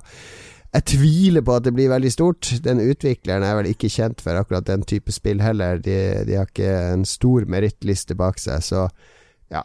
Kanskje blir det bra. Jeg vet ikke. Jeg gir det tommel ned. Jeg er null interessert i det her, i hvert fall. Altså, jeg må gi det tommel ned bare fordi hvis, hvis jeg skal spille noe RPG-aktig på PS5, så er det Demon's Souls for alle pengene, ikke det der Godfall-tullet. Ja, det her kan du spille på PC òg. Oh, ja, ja, det var det, ja. ja eh, jeg vet ikke. Skeptisk. Det Jeg får er jeg sterke gir tommel karer ned, med og så kan jeg bli positivt overraska. Så beklager, Lars. Ja. Ok. Beklager, Lars. Men det her er jo, det er jo svære karer med sverd, Mats. Det er jo lagd for det, egentlig. Nei. Har de bart? Sikkert. Da ombestemmer Mats seg. Ka- ok, kanskje hvis det er bort var det, én tommel opp, én tommel ned, og Lars Tommel ned, aner ingenting om det, jeg vet faen. Da er vi kommet til uh, kanskje rosinen i pølsa. Demon's Souls er jo det store salgsargumentet til PlayStation 5. Det koster ca. en, en niendedel av konsollen, nemlig 859 kroner. I tillegg til 5000 for spillmaskin. Men da får du en remaster-versjon av Demon's Souls laga av ekspertene i Blue Hva heter de? Ikke Blue, Blue Bite, Point. men Blue, po Blue Point. Men det, Eh, ser smashing ut! Ser veldig bra ut. det ser så bra ut. Jeg har sett det på de, jeg har sett de her eh, State of Play-videoene. Å, det ser så bra ut. Altså, bare character generation er jo et helt nytt spill. Altså, du kan, du kan lage karakterer som ser bra ut. Det har du aldri kunnet gjøre. Det er jo helligbrødet å lage en karakter du er fornøyd med utseendet med i et From Software-spill. Nei, det har ikke skjedd. Har ikke skjedd. Og nå kan du gjøre det. Aldri skjedd. Det jo, ja, og så bare Alt ser så bra ut. Altså, de har jo vært et item og vært et, vært et gressstrå på kartene har jo blitt uh, remastera, liksom. Så det er, jo, det er jo egentlig et nytt spill, vil jeg si, Mm. på en måte. Så ja, jeg, det, som, hvis, hvis jeg skal kjøpe en PlayStation Altså, jeg skal kjøpe en PlayStation 5, jeg vet bare ikke når jeg kommer til å få tak i det. Men det er av ett spill, og det er Divin Souls. Ja, Ja, ja. Nei, ja, ja. Spilte jo masse det forrige på Eller det originale på PlayStation 3. Spilte til og med den japanske versjonen, for det var jo et spill som aldri skulle komme ut for Japan fordi det var altfor sært og rart og, og snålt. Og det var Sony Det er jo noe jeg hater med det her, fordi Sony Det var jo de som eh, har rettighetene til Demon Souls. Ja, stemmer. For de, de ga det ut for From Software, de hadde finansiert det, de var publisher. Og Sony bare 'Dette er altfor sært for Vesten! Glem det, glem det! Dette her holder vi minimalt opplag her i Japan. Herregud, for noen idioter har laget dette tullespillet. Og så ble det jo Folk importerte det som noen gale. Jeg kjøpte jo den japanske importversjonen. Så etter mye om og men så kom det så vidt ut i Vesten i sånn sånne, sånn, sånn som gamle dager, når Nintendo og sånn vi ikke ville slippe de særjapanske spillene i Vesten. Bare i sånn bitte lite opplag, bare så vi skulle holde kjeft. Hold kjeft! Her får dere spillet, hold kjeft! Men ikke snakk så høyt om det. Spill det her i stedet. Og så kom det ut. Og så når de skulle lage oppfølgeren, ja, da skal vi lage Demon Souls 2. Så Sony bare Vi er ikke interessert i å finansiere noe Demon Souls 2. Ja, kan vi få tilbake merkenavnet vårt, da? Vi er ikke interessert i å gi dere tilbake Det er derfor det heter Dark Souls. Det skulle egentlig være Demon Souls 2. Så de bare ja, fuck you, Sony, da begynner vi fra scratch, og så ble det Dark Souls. De ble ikke så uvenner, da, for de lagde jo Bloodborne for Sony etter hvert. Men jeg, jeg hater den derre At Sony har sånne, hadde sånne folk i ledelsen da som ikke så potensialet her, som ikke Ja, så en- at de kunne være med og, og kultivere denne sjangeren opp og frem og ta eierskap over den. Ja, det virka som de, de, var, de var veldig sånn disconnected fra, fra fansen sine. At de forsto ikke hva folk ville ha, liksom, og hvor populært det kunne bli. Det er jo trist. Så det blir tre tomler ned, da? Blir det det, eller? I hvert fall to opp, men eh, Lars skal nok Ja. være den kontrære her. Nei da, det, det ser veldig bra ut, og jeg ble jo glad i Bloodborne, så jeg skal sikkert prøve det. Men det ser ganske Jeg vet ikke, det, blir, det ser vanskelig ut. Det ser veldig Men, vanskelig men ut. hvis, hvis jeg kan få føye, ting, føye en ting til, så syns jeg at Demon Souls er det spillet som uten tvil ser mest next gen ut i grafikken. For det ser så forbanna bra ut. Så bare Ja. det alene vil jeg si er tommel opp. Dette skinner jo også inn på en diskusjon som har gått i, på vår discord nå. Det har vært veldig aktivt i Spillrevyen-kanalen rundt eh, styrken til de nye konsollene og multiplattform og sånn. Og jeg vil jo påstå at en av grunnene til at dette ser så bra ut, er at de har kunnet fokusere 100% utelukkende på å lage et PlayStation 5-spill. Eh, og bare ta hensyn til å utnytte alt i hardwaren her, og ikke måtte branche ting av gårde i Vi må ha en PS4-branch og en PS5-branch, vi må ha en content lockdown, fordi nå kan ikke vi endre på noe content, fordi da, da påvirker vi begge bransjer og alt mulig sånn. Så det viser litt sånn styrken ved å la noen bare lage det kun til denne hardwaren her, og så får du så og så lang tid på det. Hvor mye ekstra du kan legge i det, da. Mm. Ja, Ja, helt det er vel Demon Souls og Spiderman som sies å være penest. I hvert fall Erik Fossum mente vel at eh, Spiderman var noe av det peneste han har sett, så ja. Det å ha én konsoll du fokuserer på Men eh, nå skyter jeg meg sjøl i foten, for de lagde vel det til PS4 òg, så forget about that shit. Men jeg har sett videoer av uh, Demon Souls. Å, det ser så sweet ut. 60 Ja, det ser- frames, smooth. Det ser absurd bra ut. Så eh, ja, Før nei, var jo drømmen på konsoll 60 frames, og nå er det liksom 120 frames, og så skal det bli 200 frames. Er, liksom, er ikke 60 frames nok nå? Hva sier PC Master Race? Jeg vil, jeg vil si uh, Hvis du skal spille et sånn singelplayerspill, typisk Demon's Souls, så er 60 FPS er mer enn nok. Det holder i massevis. Men når du, når du begynner å spille skytespill, eh, sånn competitive skytespill, sånn som Warzone og sånn, så kan jeg love deg at hvis du, Lars, hadde sittet på en PC Mm. med låst på 60 FPS og spilt eh, fire dager, og så hadde vi åpna eh, naborommet, og så hadde du gått inn der, og så hadde det vært en PC der hvor du kan spille Warzone i 240 FPS, du hadde merka forskjell. 100% du hadde merka forskjell. Fordi alt blir Ja. mer responsivt. Det er mindre det er mindre forsinkelser på alt. Alt er liksom snappy. Det er, jeg lover deg at du merker forskjell. Men I et singleplayerspill hvor du spiller mot AI-en, det er ikke så nøye, det er mer casual, du sitter og koser deg, så har det ikke så mye å si. Og så kommer det enda et PlayStation 5 og PlayStation 4-spill, nemlig Sackboy A Big Adventure, verdens mest usjarmerende plattformspillhelt. Fordi Sackboy Det er, finnes ikke sjarm i det Sackboy. Ser ut som en skitten filledukke. Det er Little Big. Adventure-maskotten. Ja. Jeg liker ikke ikke- Sackboy. Du Nei, liker ikke li- fattige, Jon Cato. Det er Er det- er fordi- sånn sekk. Er det fordi øynene hans ser ut som en hvithai sine øyne? Sånn svarte, døde øyne? Nei, det er det det er fordi? Like a Nei, det er fordi eyes. kon kontrollen i Little Big Planet 1 og 2 er så sluggish og treig og seig at jeg syns det var ganske dårlig plattformspill, selv om det var kreativt. Så jeg er ikke noe fan av Sackboy i det hele tatt. Jeg Ja. gir det her tommel ned. Vi har jo en kamerat som er sånn fanatisk eh, Sackboy-fan, som elsker spillserien. Hva du tror du, Lars? Eh, hvem er det? Øystein? Øystein er fanatisk Sackboy-fan? Ja, Ja. Jo. Han er jo det. ja. Og han liker jo liksom billige ting. Sånne her uh, First Price-skoler og sånt. Så jeg tror det er noe sånn budget-greier. Så jeg tror det er sånn fattighate. Han liker liksom shit, og shitty heroes, er det det du prøver å si? Jeg vet ikke. Beklager, Øystein. Nei, nei, altså, jeg har aldri hatt noe særlig Altså, jeg er jo den minst eh, Sony-aktige fyren i gjengen, da, så jeg har, jeg har så syltynt forhold til alle de her spillseriene her, så jeg Ja. føler ikke jeg kan mustre noe Vi trenger ikke si noe mer. Jeg gir tommel ned. Nei, Sackboy. Bare gi tommelen tommel. Tommel Vi trenger tommel ned, ikke, tommel trenger ikke å unnskylde. Tre tomler ned til Sackboy. Sånn går det nordisk film når ikke Lolbua får en eneste PlayStation 5. Nå er vi inne i Mats sitt hjørne her. For nå er det Call of Duty Black Ops Cold War Cold kommer nå til War. helga.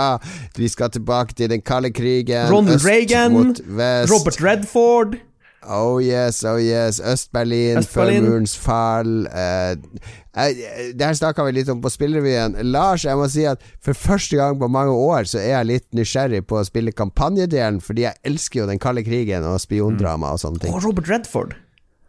Ja, ja, Det ser litt kult ut. ja. Ja.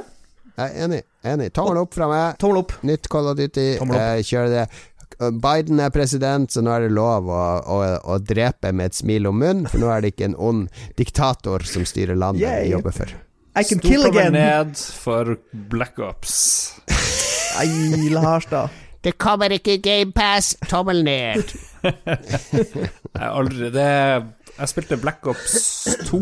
Det var det siste Call of Duty jeg spilte, som jeg likte. Ok. Ja. Ok. The, the numbers, Mason. The numbers. Nå, nå kommer vi til et spill som vi skal omfavne helhjerta. Nemlig samme dag som Call of Duty Black Ops kommer. Kingdom Hearts Melody of Melody. Eh, kan, jeg komme med, kan jeg innrømme en ting? ja. Jeg har aldri spilt Jeg har ikke spilt et sekund Kingdom Hearts, så jeg forstår ikke hva det er. For det er noen sånne her anime-figurer, men så er han Mickey Mouse der plutselig. Jeg forstår ikke opplegget, liksom. Det er nettopp det.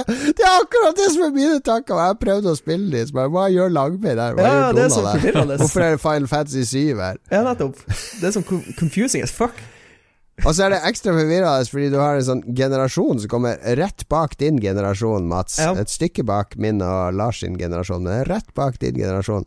Så kommer det en sånn generasjon som, der Kingdom Hearts er det mest magiske, fantastiske som finnes. Ja, men det, jeg tipper det er fordi jeg har vokst opp med det, og det er sånn nostalgigreie. Sikkert. Kanskje det er det. Ja. Kanskje det er det. Lars, du skal spille der. Nei, jeg har aldri spilt noe Kingdom Hearts, så jeg orker ikke. Nei, men For Carl i Level Up og alle som elsker Kingdom Hearts, det er kjempebra. Jeg, jeg liker det, men det er en sånn derre uoppnåelig barriere å prøve å komme inn i de spillene der. Det kom jo et Kingdom Hearts på PlayStation 4 som så smashing ut, men jeg, jeg klarte aldri å få meg sjøl til å spille det. Er, det, er dette sånn karaokespill eller noe sånt siden det heter Melody of Melody?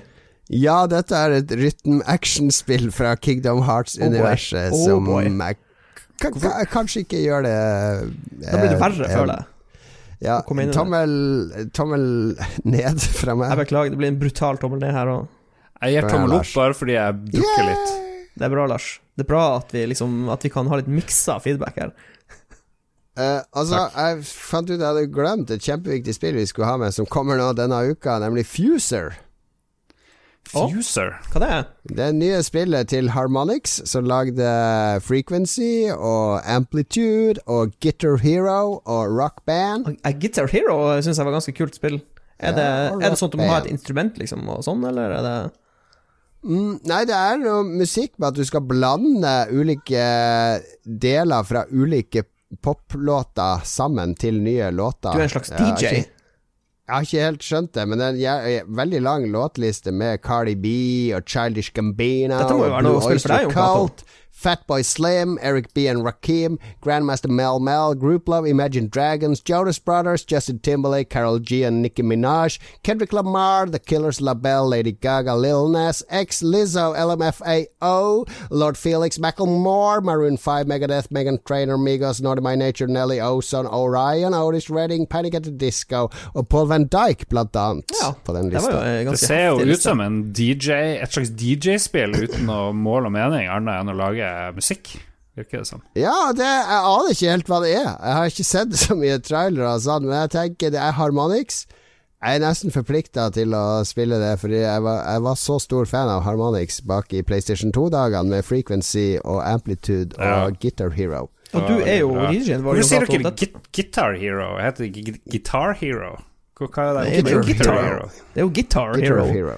Guitar? Det, hvis du Guitar er fra Hero. The South, så er det kanskje Guitar Hero. Jeg vet ikke.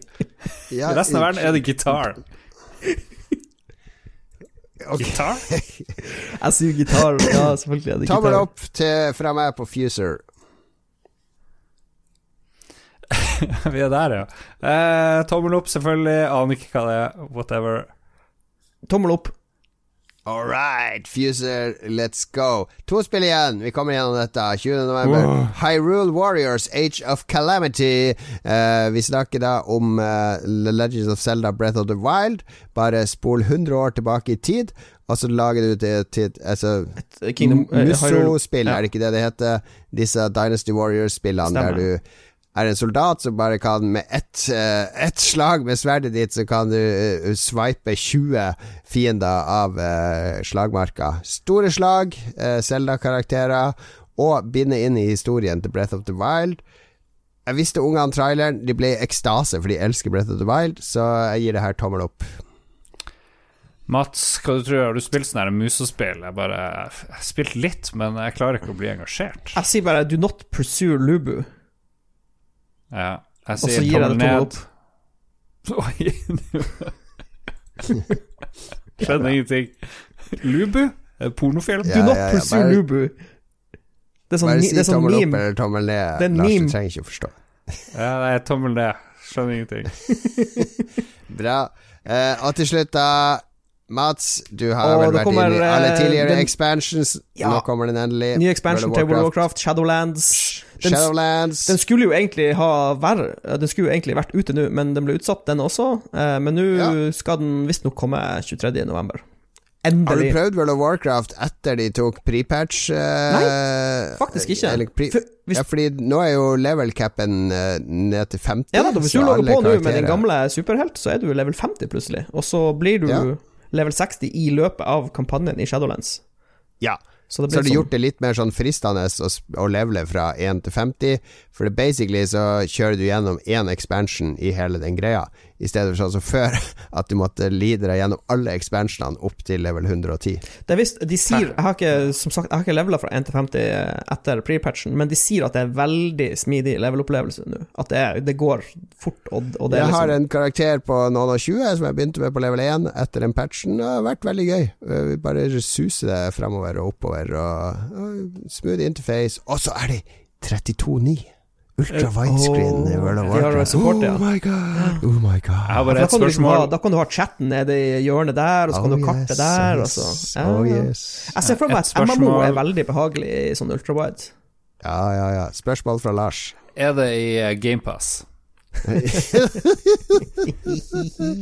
Tommel Warcraft ned! Tommel ned! World- of Warcraft kom, så for folk og spekulerte i Det skal komme til Xbox 360 òg. Det var opprinnelig annonsert husker det var- det var 360. konsollrykter. Ja. Og det, det som er litt morsomt, er at det er jo folk som har lagd en sånn add-on eh, så du kan laste ned i spillet, hvor du kan spille med en Xbox eller PlayStation-kontroller. Så kan du spille Men det er som et ikke det offisielt støtta nå? Ja, kanskje, jeg vet ikke. Jeg husker bare Ja. før så måtte du ha en add-on, men det kan hende de har gjort noe offisielt eh, med det også. Fytti grisen for en spillmåned, altså. Tommel ned fra Lars her, tommel opp fra meg og Mats. Selvfølgelig tommel opp fra meg. eh, Wow. Men så mye å spille denne måneden. Assassin's Creed, Destiny 2, Spiderman, Demon's Souls, uh, Call of Duty, Hyrule Warriors, World of Warcraft, The Pathless, Godfall, Fall Det er virkelig altså- eh, Virkelig spillhøsten har kommet. Faktisk så er det, det er nesten en sånn liten velsignelse at jeg ikke klarer å få tak i en PlayStation, fordi jeg kommer til å være så opptatt med Assassin's Creed og eh, Cold War og Shadowlands at jeg har egentlig ikke tid å spille Demon's Souls ennå. Så ja, kanskje Demon's Souls i desember en gang, heller. A blessing in disguise. 悪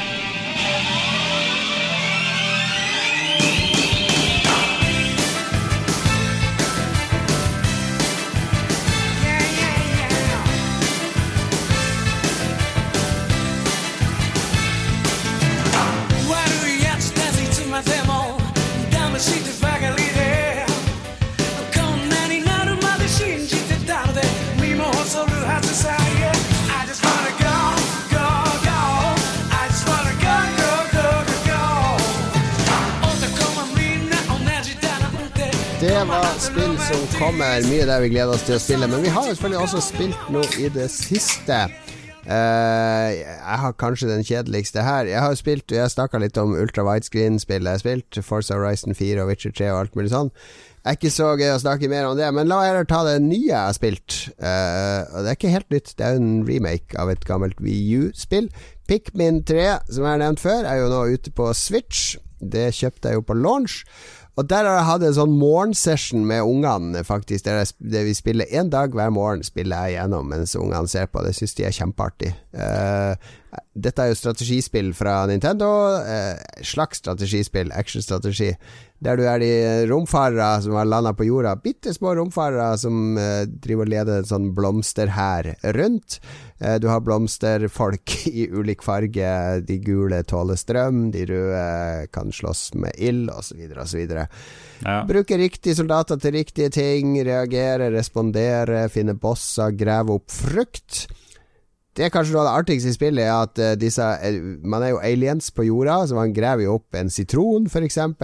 Og den eh, De gir egen navn på frukten, for de vet jo ikke hva det heter. Så sitron, det heter wrinkle face eh, fordi du, får, du rynker på nesa når du spiser sitron. Jeg syns det er veldig morsomt. De har Ja. artige navn på, på fruktene. Du bruker jo å si ungene dine elsker Pikmin. det Er jo sånn direkte sitat fra deg? Ja, de er veldig mine- glad ja. i den spillserien, ja. Ungene mine elsker Pikmin, spesielt Wrinkle Pikmin. Syns de er utrolig bra. Lars Ja, fisker kanskje- kanskje- desperat etter Kanskje innuendo. dine, kanskje dine reservebarn gjør det. Men Mine elsker spillserien fra Nintendo med Kaptein Olimar og de andre romfarerne. Pikmin, jeg vet ikke, det er det så artig, liksom? Ja, det er jo det. Det er ikke med på GamePass, da, så det er ikke noe for det. Men uh, på Switch er det helt perfekt. Jeg, jeg tror at Pikmin er best på PS. Vita. Er, det, har- er jeg inne på noe nå? Mm. På, på Lars For Lars er det best på Gameboy Micro, for da blir det én-til-én-størrelse. Pikmin på Gameboy Micro, perfekt. Oi. ok, ok. Mats, ta, ta det her vekk. Ok, jeg har spilt eh, et Jeg har egentlig spilt to gamle spill, eh, men jeg har spilt Apex Legends. eh, det har kommet ny sesong, det har kommet på Steam.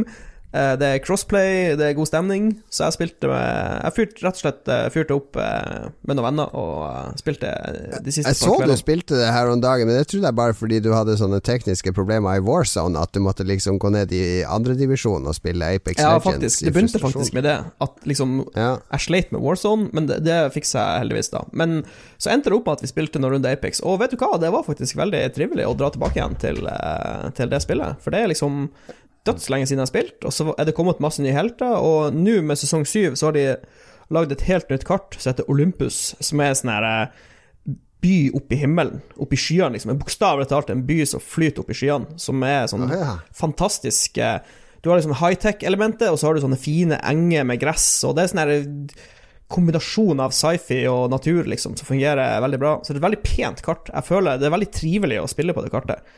For jeg De har funnet ikke en, en veldig unik visuell stil på det spillet, som gjør at det skiller seg litt ut fra de andre. Ja, de har, de har klart å finne sin lille nisje som fungerer, fungerer veldig bra.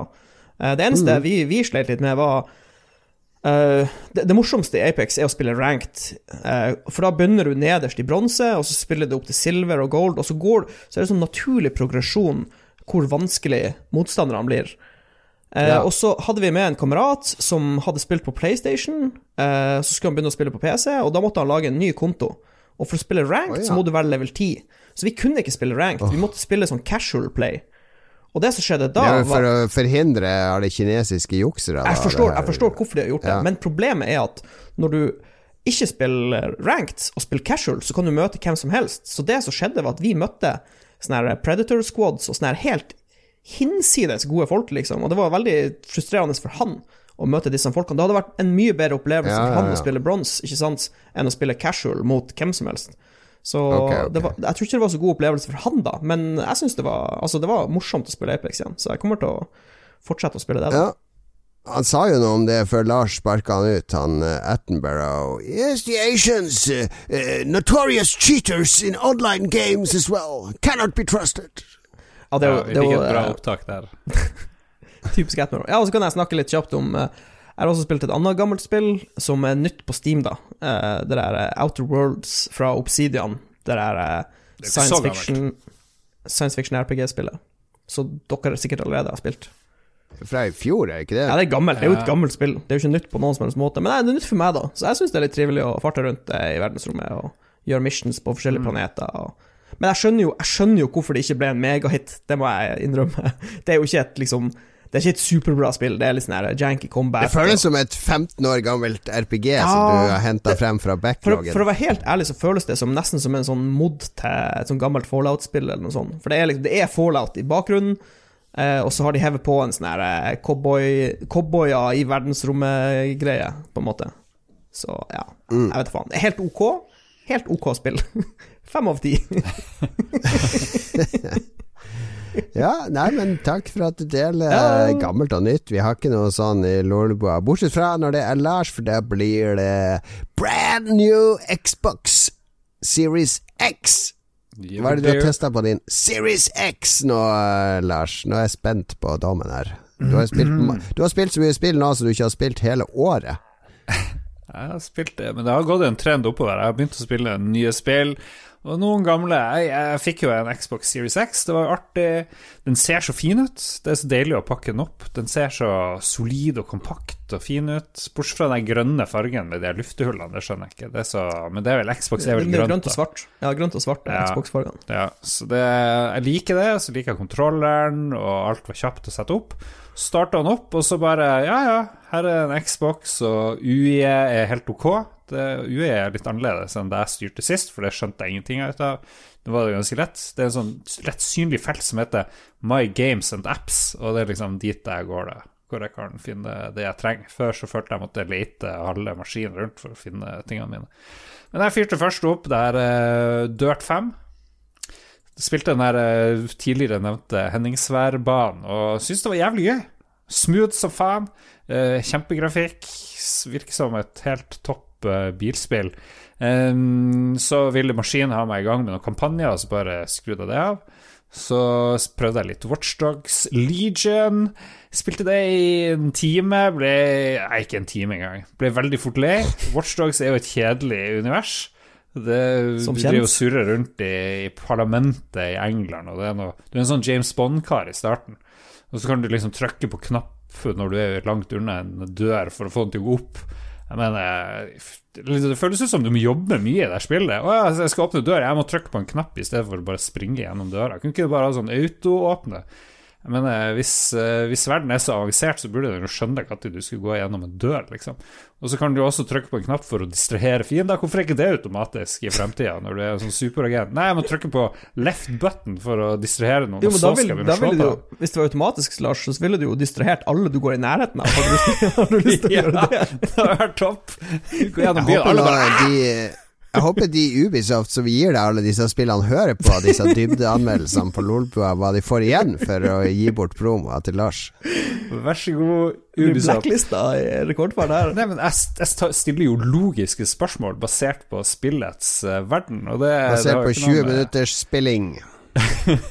Ja, jeg, jeg, jeg fyrte i gang litt faktisk før denne sendinga her, men så hadde jeg mista saven min av en eller annen grunn, så da måtte jeg What? Jeg trodde alt på Xbox skulle være sånn autolagra Ja. og hoppe inn og ut av spill. ja, ja, jeg trodde du skulle kunne ha masse Hører vi spill. kritikk av Series X her? Ja, sterk kritikk. Jeg vet ikke hva skjedde, for du har jo sånn quick resume, men plutselig så måtte jeg begynne helt på nytt. Og Ja. det, det skjønte Jeg Jeg trodde du kunne ha sånn fem spill som lå suspendert, liksom. Og, Ja, Ja. Ja, ja, nei, jeg skjønner ikke hva fungerer som ikke, skjedde med andre der. ord. Nei, fordi jeg har en, to Jeg har alle de spillene jeg har spilt i minne. Jeg trodde jeg skulle være Watchdogs, Dirt 5, Ori and the Will of the Wisp og Full Spectrum Warrior. Fire spill, da. Jeg trodde det han skulle klare å huske dem, liksom. Men eh, ja, ja. Wow. ja. Så Watchdogs virker som eh, ganske tafatt spill eh, så langt. Kan jeg, få, kan jeg få bare skyte inn med litt eh, Sparke litt i uh, Watchdogs Legion-kroppen som ligger nede bevisstløs på bakken? ja. Jeg så en sånn Jeg så en sånn sammenligning med Det var litt sånn eh, Det var en, vid, en videosnutt fra eh, Assassin's Creed Black Flag som vi snakka om tidligere.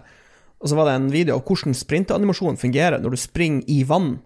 Eh, fra dypt vann opp til hofta, og litt sånn grunnere vann, og så på land igjen. Og så var det sånn naturlig progresjon at han løfter liksom føttene opp for å liksom få føttene litt opp av vannet. Og så liksom jo, jo grunnere vannet blir, jo lettere er det for han å springe, og så springer han liksom full sprint når han kommer ut av vannet. Og så hadde de lagt inn en videosnutt fra Watchdogs Legion hvor han bare springer i samme fart uansett hvor dypt vann han er i, så bare springer han liksom full maskin, liksom. Og det er liksom et 2020-spill, så det var Ja. Men jeg forstår jo at de ikke fokuserer på vann, da. Det var bare en, en liten, eh, et lite sidespor. Ja. Nei, det er helt sikkert topp, det der Watchdog. Så det fikk sånn Jeg har vel sånn Metas critic score på 70-ish, så det er sikkert kjempe Helt OK. Det er jo total slakt. Det er jo total slakt. Ja, 70 er ganske lavt, vil jeg si, faktisk. Ja. Ja. Uh, skal vi se Ori and the Will of the Wisp, oppfølgeren til Ori and the Blind Forest. Mitt favorittspill på, på Hva det heter Xbox Series X så langt. Ja. Det er jo litt gammelt spill, men jeg tror det er enhansa for uh, Xbox Series X. Ser så fint ut, og det spiller så smooth. Det er sikkert en million Veldig frames. Veldig fin Det- musikk.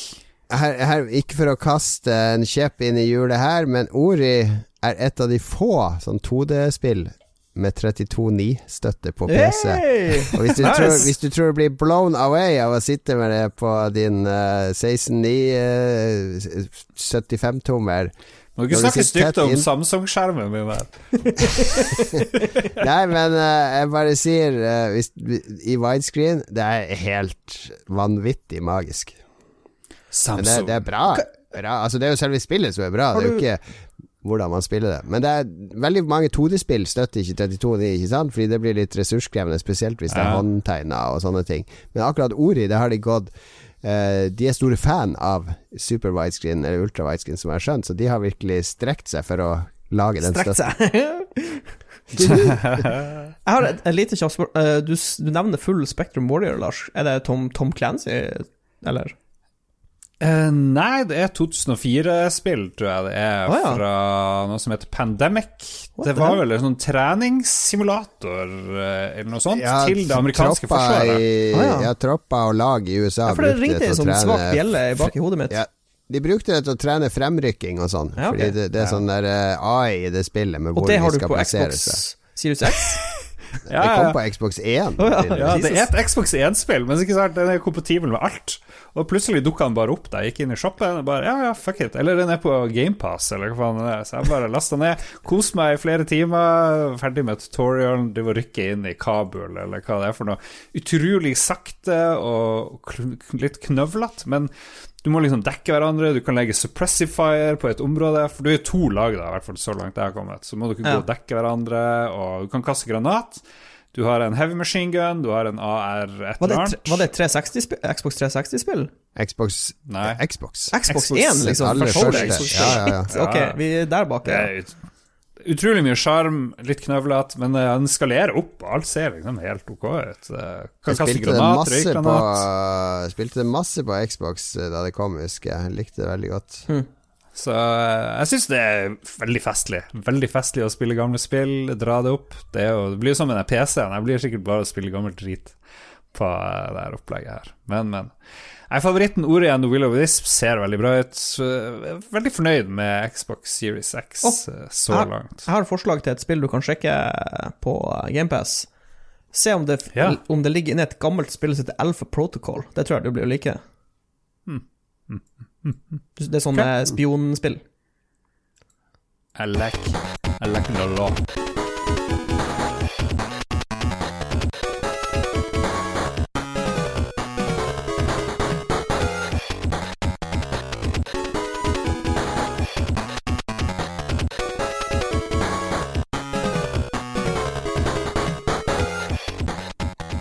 Skal Nå var det veldig mye spillsnakk denne gangen, så alle de som er «Å, Jeg kan bare sjekke mer om Jeg er blitt for mye andre ting. Nå har dere fått dosen deres. Nå skal vi ikke snakke om spill, nå skal vi snakke om andre ting som vi har uh, fordypa oss i, eller kost oss med, eller uh, ja Rett og slett har uh, tatt inn i livene våre. Det er anbefalingsspalten, der vi anbefaler noe som vi håper at dere også vil sjekke ut. For vi er sikre på at dere får uh, bedre liv og bedre tilværelse nå under pandemien ved å sjekke ut det her. Uh, Lars, vil du begynne? Yes, sir. I 1980 så oppdaga tre eh, fremmede at de er brødre. De er identiske tvillinger som er skilt eh, etter fødselen fordi mora adopterte dem bort til en sånn weird, eh, crazy barne... Hva det heter Omplasseringsplass. Barnehjem, eller noe sånt. Eh, Han ene bare går på eh, high school Nei, han skal begynne på et college, og så kommer han inn i college og sier folk 'Hei, Bobby', eller hva de sier. 'Bobby, hei, Bobby, takk for sist', og han bare «Eh, hvem, 'Hvem er jeg? Hvem dere tror jeg er?' Og så finner han ut at han har en, eh, en tvillingbror som heter Bobby, og så går det litt tid, så forteller de historien sin i avisa, og så er det en tredje bror som leser det der eh, artikkelen og ser 'Oi, shit, jeg har to tvillingbrødre', og så finner de i lag. Uh, og så handler historien litt om dem, men også om det barnehjemmet og litt sånne rare ting de holder på med. Det er, liksom, det er mange twists i denne serien. Det handler mye om eh, er vi født sånn, eller er vi blitt sånn? Og det er jo alltid spennende. Det er jo sånn Harald Eia-tematikk, ikke sant? Ja, ja, ja. Eh, for de her tre brødrene er jo tilsynelatende veldig like. De har samme smak i kvinner, de har liksom samme smak i mat. De eh, oppfører seg ganske likt. De har samme liksom kroppsspråk og like samme musikk og greier, men så eh, så, så er liksom Hvordan går det med dem i livet egentlig, da, når de er så like, men kommer fra ganske ulike hjem? For de ble jo skilt fra fødselen. Og så er de ganske bitter for at de ble separert, osv. Og, og, så, og så tar den dokumentaren eh, en del vendinger. Eh, så den her eh, Three Identical Strangers er veldig, veldig verdt å se. Veldig kort. Den vant en eller annen pris, tror jeg, et eller annet sted, og kom nå nylig på eh, Netflix, eh, hvor jeg så den. The most amazing, incredible, remarkable true story ever told, står det på plakaten. Jeg tenkte underveis det her er for crazy til å være sant. Nå tror jeg ikke på det her, det, det begynner å bli litt for ille. Men eh, etter alle solemerker så er det, er det Det var på Netflix, sa du? True story. Netflix, absolutt. Nominated for three primetime Emmys. Uh, another 11 wins and 54 nominations. Anbefaler den. Er det en, er det en dokumentarfilm, eller er det liksom en eh, miniserie med flere episoder? Dokumentarfilm 1 time og 36 minutter. Nice. Ja. Yes. Ja, jeg føler det er mye sånne eh, dokumentarer som er liksom der eh, Too good to be true. Eh, kanskje piken på det var det der Tiger King-fjåset som alle snakka om. for- for, litt siden. Det var ma en magisk reise. Jo, jo, men det er litt sånn der eh, Hvor eh, bisarr og rar og utrolig historie kan vi liksom klare å grave opp og presentere på en skjerm, har jeg inntrykk av. da Det er ikke kritikk av ditt Ja, valg, det- det Lars. Det er bare en observasjon. Det som er jævlig fascinerende med sånne dokumentarer, er at av og til så, altså, eller ofte så er jo det rarere enn den merkeligste filmen, ikke sant? Det er liksom Ja, ja, ja. Du klarer ikke å dikte det opp, for det er så, det er så merkelig. Det er fascinerende. Ja, jeg er enig, men det er, jeg tror ikke det er noe nytt heller. Det er bare det at dokumentarer har vært med, mye særere før vi fikk streametjenester. Det var veldig sjelden at man gikk på kino for å se en dokumentar. Så dokumentarfilmskaperne sitt store lodd har jo alltid vært at de har slitt med å få finansiering, fordi de, de sliter med å få vist filmene de har laga. Og så blir de solgt til TV eller noe sånt og vises klokka tre om natta, Ja, ja, eller ja. noe sånt. Eh, men jeg har jo sett på Criterion Channel, som jeg driver og maser om ofte, de har mange gamle, interessante dokumentarer. De blant annet eh, så at de nå hadde lagt ut en som heter Dark Lives, eller noe sånt, fra 2000. Som handler om en gjeng hjemløse som har laga seg et eget samfunn i uh, Subwayen i New York. Ja, ja, altså, det er basically Knutsen og Ludvigsen true story. De bor inni disse tunnelene og kommer så å si aldri ut. Oh, jeg, uh, så det dok Ja, bare mens vi var på dokumentarsporet, før vi går videre. Uh, på, net, Ja. på Netflix uh, Vi har snakka om en dokumentar som heter Apollo 11, som er utrolig bra. Den er faktisk på Netflix nå. Så hvis noen ikke har sett Apollo 11, så bare gå på Netflix og se den med en gang. Ja. Bra Det var ikke mye anbefaling, forresten. Det var bare et lite sidespor. Ja, nei, men jeg, er fascinert av dokumentarer som avslører veldig rare ting. Og det trenger ikke være noe man er interessert i i utgangspunktet. Sånn som Apollo 11, er jo, du er jo interessert i romfart. Så jeg skjønner at her er det 1 pluss 1 blir jo 10 000 i dette tilfellet. Men jeg syns det er vel så fascinerende å bare se på noe absurd. Jeg så en dokumentar her om dagen om en som eh, En sånn amerikansk kunstforfalsker. Han prøver ikke Han, han maler sånne helt kjente kunstverk. Eller ikke sånn superkjente, men de er kjent nok til at kunstkjennere kjenner de igjen. Og så reiser han rundt og gir de gave til museer og sånn. Ja, hans mor har dødd, og hun hadde dette fine maleriet. Han har lurt masse museer til å henge opp hans fake versjoner av ekte malerier som ekte, og ikke tjent et rødt øre på det. Så det dilemmaet der er Altså, han, det er jo ikke svindel, fordi han prøver ikke å få penger fra de. Eneste gleden han finner i, er at det faktisk blir hengt opp, og at folk tror at det er ekte. Det er utrolig fascinerende menneskeskue. Ja, spesielt. Artig. Så, så da, når det gjelder dokumentar, bare se noe sånn helt random. Trenger ikke å være tema du er interessert i, så vil du få uh, spesielt innblikk i alt mulig. Min nøttkuppe er hele anbefalinga di her, Lars. Beklager det. Ja, ja, ja. Nei, jeg, jeg var kort og sweet. Short and sweet. Underveis så føler du at eh, ok, denne dokumentaren, det liksom, det, de smører sikkert litt tjukt på, men den henter seg inn igjen da og, og tar opp litt sånn større spørsmål. Men den er liksom, den er på vei til å bli litt plagsom, for den, er, den, den vet den har en god historie. Men eh, jeg vil anbefale å fullføre den, da, hvis du Ja. blir litt irritert, sånn som jeg ble. Og veldig kult at de har laga det til en film, og ikke la oss se om vi kan strekke dette ut til seks timer, der fem av de er tomprat, men vi må ha det til en serie med cliffhangers i hver episode. Ja, Det verste som finnes, er når de drar det ut unødvendig langt, liksom. Da er det bedre med en, eh, en, en 90 minutter, liksom. Short and sweets. Oh yeah. Oh yeah. Jeg skal ta en eh, meget Lars-anbefaling denne gangen. Jeg skal anbefale eh, noe veldig lokalt i Oslo. Nå er det pandemi. Eh, du skal holde deg innendørs. Det er fortsatt lov å gå tur, men alt annet er stengt. Kinoene er stengt i Oslo, utestedene, barer, konserter osv. Da blir det tur. Så på søndag så tok vi med barna, så dro vi opp på Hauke 2, som er ute ved Holmlia i Oslo. Og så gikk vi en middelaldervei. Det er altså en, en vei som er sånn 1000-1500 år gammel. Du brukte i gamle dager når de kom fra Moss og sørover og gikk til Oslo, så gikk de langs den veien. Midt inni skauen der. Du kan se at det har vært en vei. Det er liksom masse stein, og det er ikke trær der. Så det er liksom laga for å ri en hest bortover der. Og så fulgte vi denne veien i noen kilometer til vi kommer til grensa til Viken, og der er det noe som heter Grønliåsen branntårn. Som er, ser akkurat ut som tårnet i Firewatch, bortsett fra at det er ikke sånn lite hus oppå, men det er sånn tårn du kan gå opp i, fire etasjer, og da kommer du ganske høyt, og da får du en helt fantastisk utsikt utover Oslofjorden. Du kan se hvor Blykjer ble senka, du kan se sørover mot Moss, du kan se østover og nordover. Veldig fin utsikt i det tårnet. Det var en helt ypperlig tur å ha et sånn der mål i enden for barna. Altså et tårn som de skulle få lov å klatre opp i. Da var de motivert. Så eh, det var en av de finere høstturene jeg hadde i Oslo. Jeg er ikke så flink å bruke skog og mark her i Oslo, men eh, Grønliåsen branntårn kan jeg anbefale alle i østlandsområdet til å oppsøke som, eh, som søndagstur. Ja. Nice. Fuck det. Og så så jeg en sånn turgåer jeg møtte på den turen som jeg ble nesten litt provosert av. Det var en dame på nærmere 60 år som hadde en sånn der uh, belte og skulderstropp på seg. og gikk og slepte på et bildekk gjennom skauen der. Å ja. Oh. Altså, jeg bare What? Ja, det, det, var, det var, litt sånn krampaktig. Hun gikk rundt og sa hei til alle. 'Hei, hei, jeg driver og trener litt.' «Å, Jesus, for en show-off, tenkte jeg da, i min jantelovsmentalitet. ja. Jeg vet ikke, kanskje, kanskje å hang det opp. Ja, for du, gikk- Det, det var hang seg liksom opp hver tiende meter Det var en tur, en tursti du gikk på, liksom.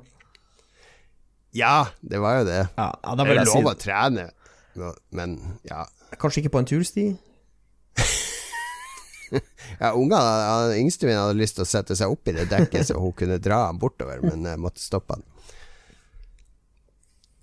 Ja, jeg har også ei lita anbefaling på lur her. Um, jeg har vært også på Netflix denne uka og sett Mhm. en uh, miniserie av alle ting, på, uh, på syv episoder. Oh, yeah.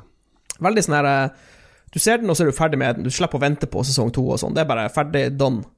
Eh, og det er en eh, serie som heter The Queen's Gambit, som handler om Jeg har ikke lyst til å um, Jeg har ikke lyst til å liksom, gå i detalj og fortelle alt det handler om, så jeg kan i korte trekk eh, forklare. Det handler om ei eh, lita jente som mister sin mor og ble sendt på barnehjem, og så hun, finner hun ut at hun er ganske god å spille sjakk. Og så utvikler det seg derfra, kan vi si. Og, og det er på 50- og 60-tallet. Det er ganske kul eh, Det er eh, Amerika, Nord-Amerika på 50- og 60-tallet. Og så er det utrolig mye bra props og eh, liksom, om. Omgivelsene er veldig autentiske. Du føler som du er på 50- og 60-tallet. Det er dødsbra eh, setting, rett og slett. Eh. Og det er liksom Det oser kvalitet.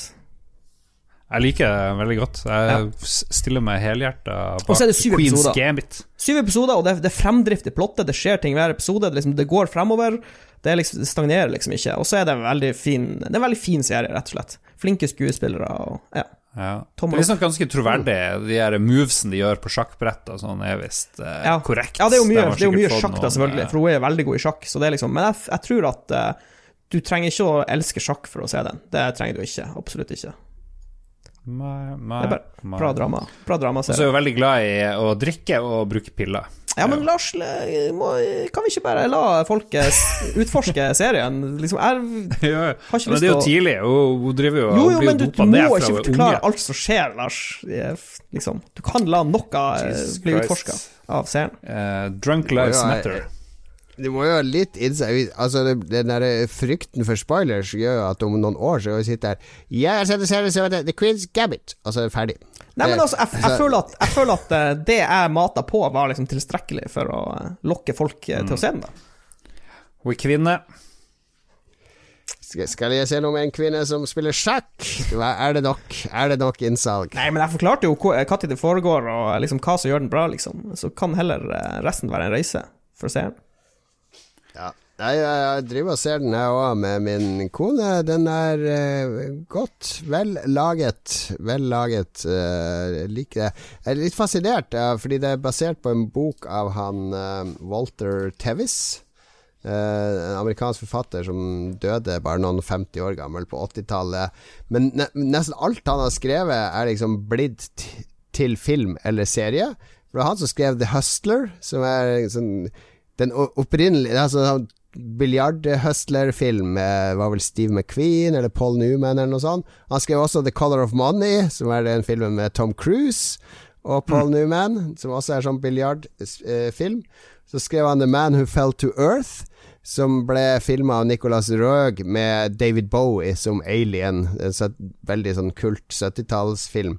Og så har han spiller, spille- skrevet The Queen's Gambit, og mye av tematikken i, i bøkene hans er dette som Lars røper med rus, og litt sånn der eh, være Mis- dyktig misbruk. Veldig dyktig i et spill, eller den spenninga rundt spillet, ikke sant, biljard eller eh, sjakk eller sånne ting. Så det virker som han har noen sånne fellesnevnere. Altså, Ja. Om noe så har denne serien gjort meg mer nysgjerrig på å lese Walter Tevis, for jeg, har lyst, jeg, jeg blir alltid sånn nysgjerrig på hm, hva er det filmskaperne eller serieskaperne har sett i denne boka som har satt en prosess i gang i hjernen til å, å realisere dette på skjermen? Kanskje han er en veldig bra agent. Han døde jo 84, Jo, men så jeg vet kan- ikke hvor eh, Agenten slutter jo ikke å jobbe i Jon Cato, han kan jo fortsatt tjene penger. Han får jo sikkert 90% av pengene rett i boka. Ja, Nei, det er sant, det. det er sant. Zombieagenten. jeg, kul serie så langt. Jeg har ikke sett den ferdig ennå. Ja, nei, så jeg slukte, jeg slukte den ganske kjapt. Det var liksom eh, to-tre kvelder, så var det gjort. Så jeg, jeg, jeg, liker, jeg er veldig glad i sånne miniserier som ikke drar for langt ut, hvor du kan liksom spise det opp i løpet av eh, kort tid, og så er du ferdig med det. Har du det med deg videre, liksom. Slipper å gå og vente på sesong to, og så, blir det, så går, får de, har de bra seertall, og så blir det sesong tre, og så har de enda bedre seertall, og så blir det sesong fire, og så begynner det å dø litt ut, og så klarer de ikke å avslutte historien, og så blir det bare sånne eh, krøkkete, eh, krampaktige greier. Så ja, miniserier, Jeg miniserie. Håper det blir mer Ja, ja, miniserier. ja. Avslutt ting. Avslutt ting. Ikke Gjør det ferdig. ut i. Gjør det ferdig. Skal vi, skal vi droppe lytterspalten? Det er ikke veldig mye egentlig å prate om. Jeg har lagd eh, notater om tre Er det masse mer der nå? Ok, da. Har, ja, Lytterspalten. Herregud, for en lang episode. Ok, ja, vi kan drite i det. Vi kan drite i det. Nei da, vi kan ta den. La oss bli ferdig. Kanskje jeg rekker jeg driver jo og drikker meg opp her, det går helt fint. Ok, Jeg må litt okay. på do, men jeg skal holde ut. Nei, ikke noe do før vi er ferdig med lytterspalten. Jeg får holde det. Uh, La oss Pikmin begynne. lider. La oss begynne. Vi har fått innspill fra lyttere. Spurte veldig løst, Mats, om de bare hadde noen innspill. Ja, jeg tenkte sånn Jeg, jeg så, innså bare at vi har ikke spurt eh, noe på Facebook om spørsmål. Så spurte jeg bare Veldig noen bra. som har noe på Applaus hjertet. til uh, Mats Rindal Johansen der. Jeg må roe deg ned på ølen nå. Begynne å dele ut. Du kunne gi skryt uten å bli beskyldt for å være Vi har alkoholiker. allerede rost han for barten. Ja, nettopp. Må ikke bry ja. Du må, må ikke sende meg helt Vi til roste himmelen, ikke hverandre. Vi skulle rose hverandre. Vi Ja, vi ikke skulle rost Å, hverandre. hør da! Hør øla prate her. Øla har tatt overhånd. Når det er rett før han begynner å, å ta, ta seg på penis òg, for det er jo ukontrollert hjemme hos Lars. Ta på Pikmin 3. Ok, la oss begynne på lytterspalten, for guds skyld. Kian Krogstad, jeg, jeg trodde han boikotta oss. Jeg trodde ikke Eller han boikotta meg, rettere sagt. Det er jo min Du nemesis. er blitt cancela, Jon Cato, men vi andre går videre. Ok. Ja, Eh. Kian eh, jeg, har, jeg har tilbudt Kian fredspipe. La oss røyke fredspipe, Kian. Men la, hver gang Lars klipper, så klipper han bort når jeg røyker fredspipa til Kian. så nå må jeg sørge for å klippe denne episoden sjøl. Veldig bra. Eh, jeg, jeg, jeg prøver Jeg vil bli venn med Kian igjen. Jeg vil ikke ha noe, ikke ha noen fiender. Men han lurer på om vi kan snakke litt om 330-skvadronen. Ja, for det er jo det episode heter 330. 330-skvadron. Unnskyld meg. Det, Er det 330? ordentlige navnet. Jeg tror det. Å ja. Har du, hvor, når var sist du spilte på din Xbox 360, da? Ja, men jeg hører det på radio når det Dagsrevyen 330-skvadron i går var ute på oppdrag eh, i Russland, skøyt ned masse Typisk, jeg er jo ikke pålagt å si det, da. 330-skvadronen å dra til Russland. 330-skvadronen er en del av Luftforsvaret i Norge underlagt Jeg, har, jeg skal ta det, Lars. Å ja, du skal ta det. Jeg skal ta det. Ok, vi fortsetter der, Lars. La. Den ble starta på, på Island i 1941 og er Norges What? eldste operative flyskadron. Så vet dere det. De har fem Island? avdelinger i Banak, Bodø, Ørland, på Sola og på Rygge. Og så skal de nå bytte fra Sea King-helikopteret til Augusta Westland sin AW101.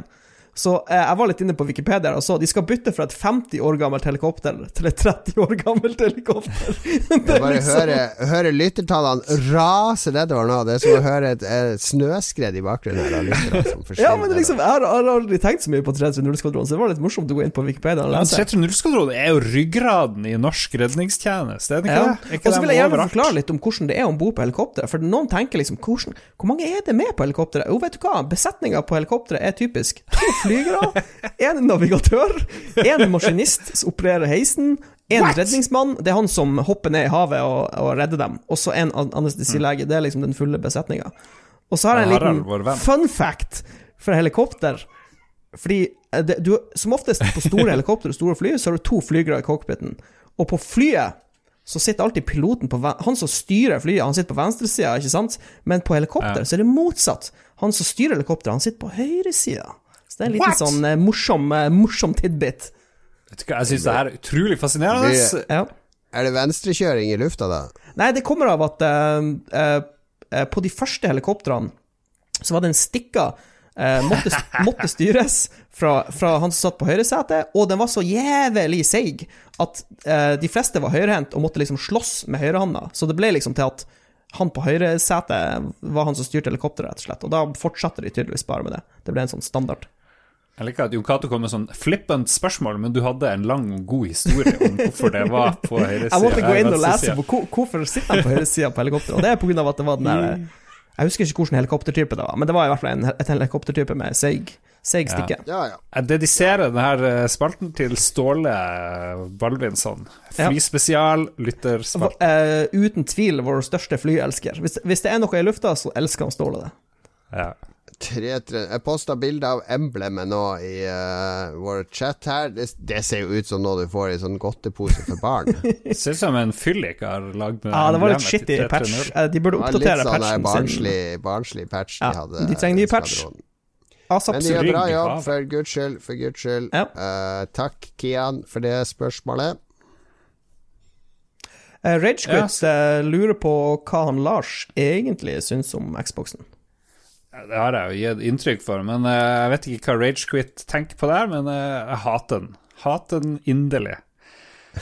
Hvordan er den på den, jeg er eh, ja, Men vet du hva, jeg har faktisk et spørsmål. Hvordan, eh, hvordan er støynivået når du spiller på den?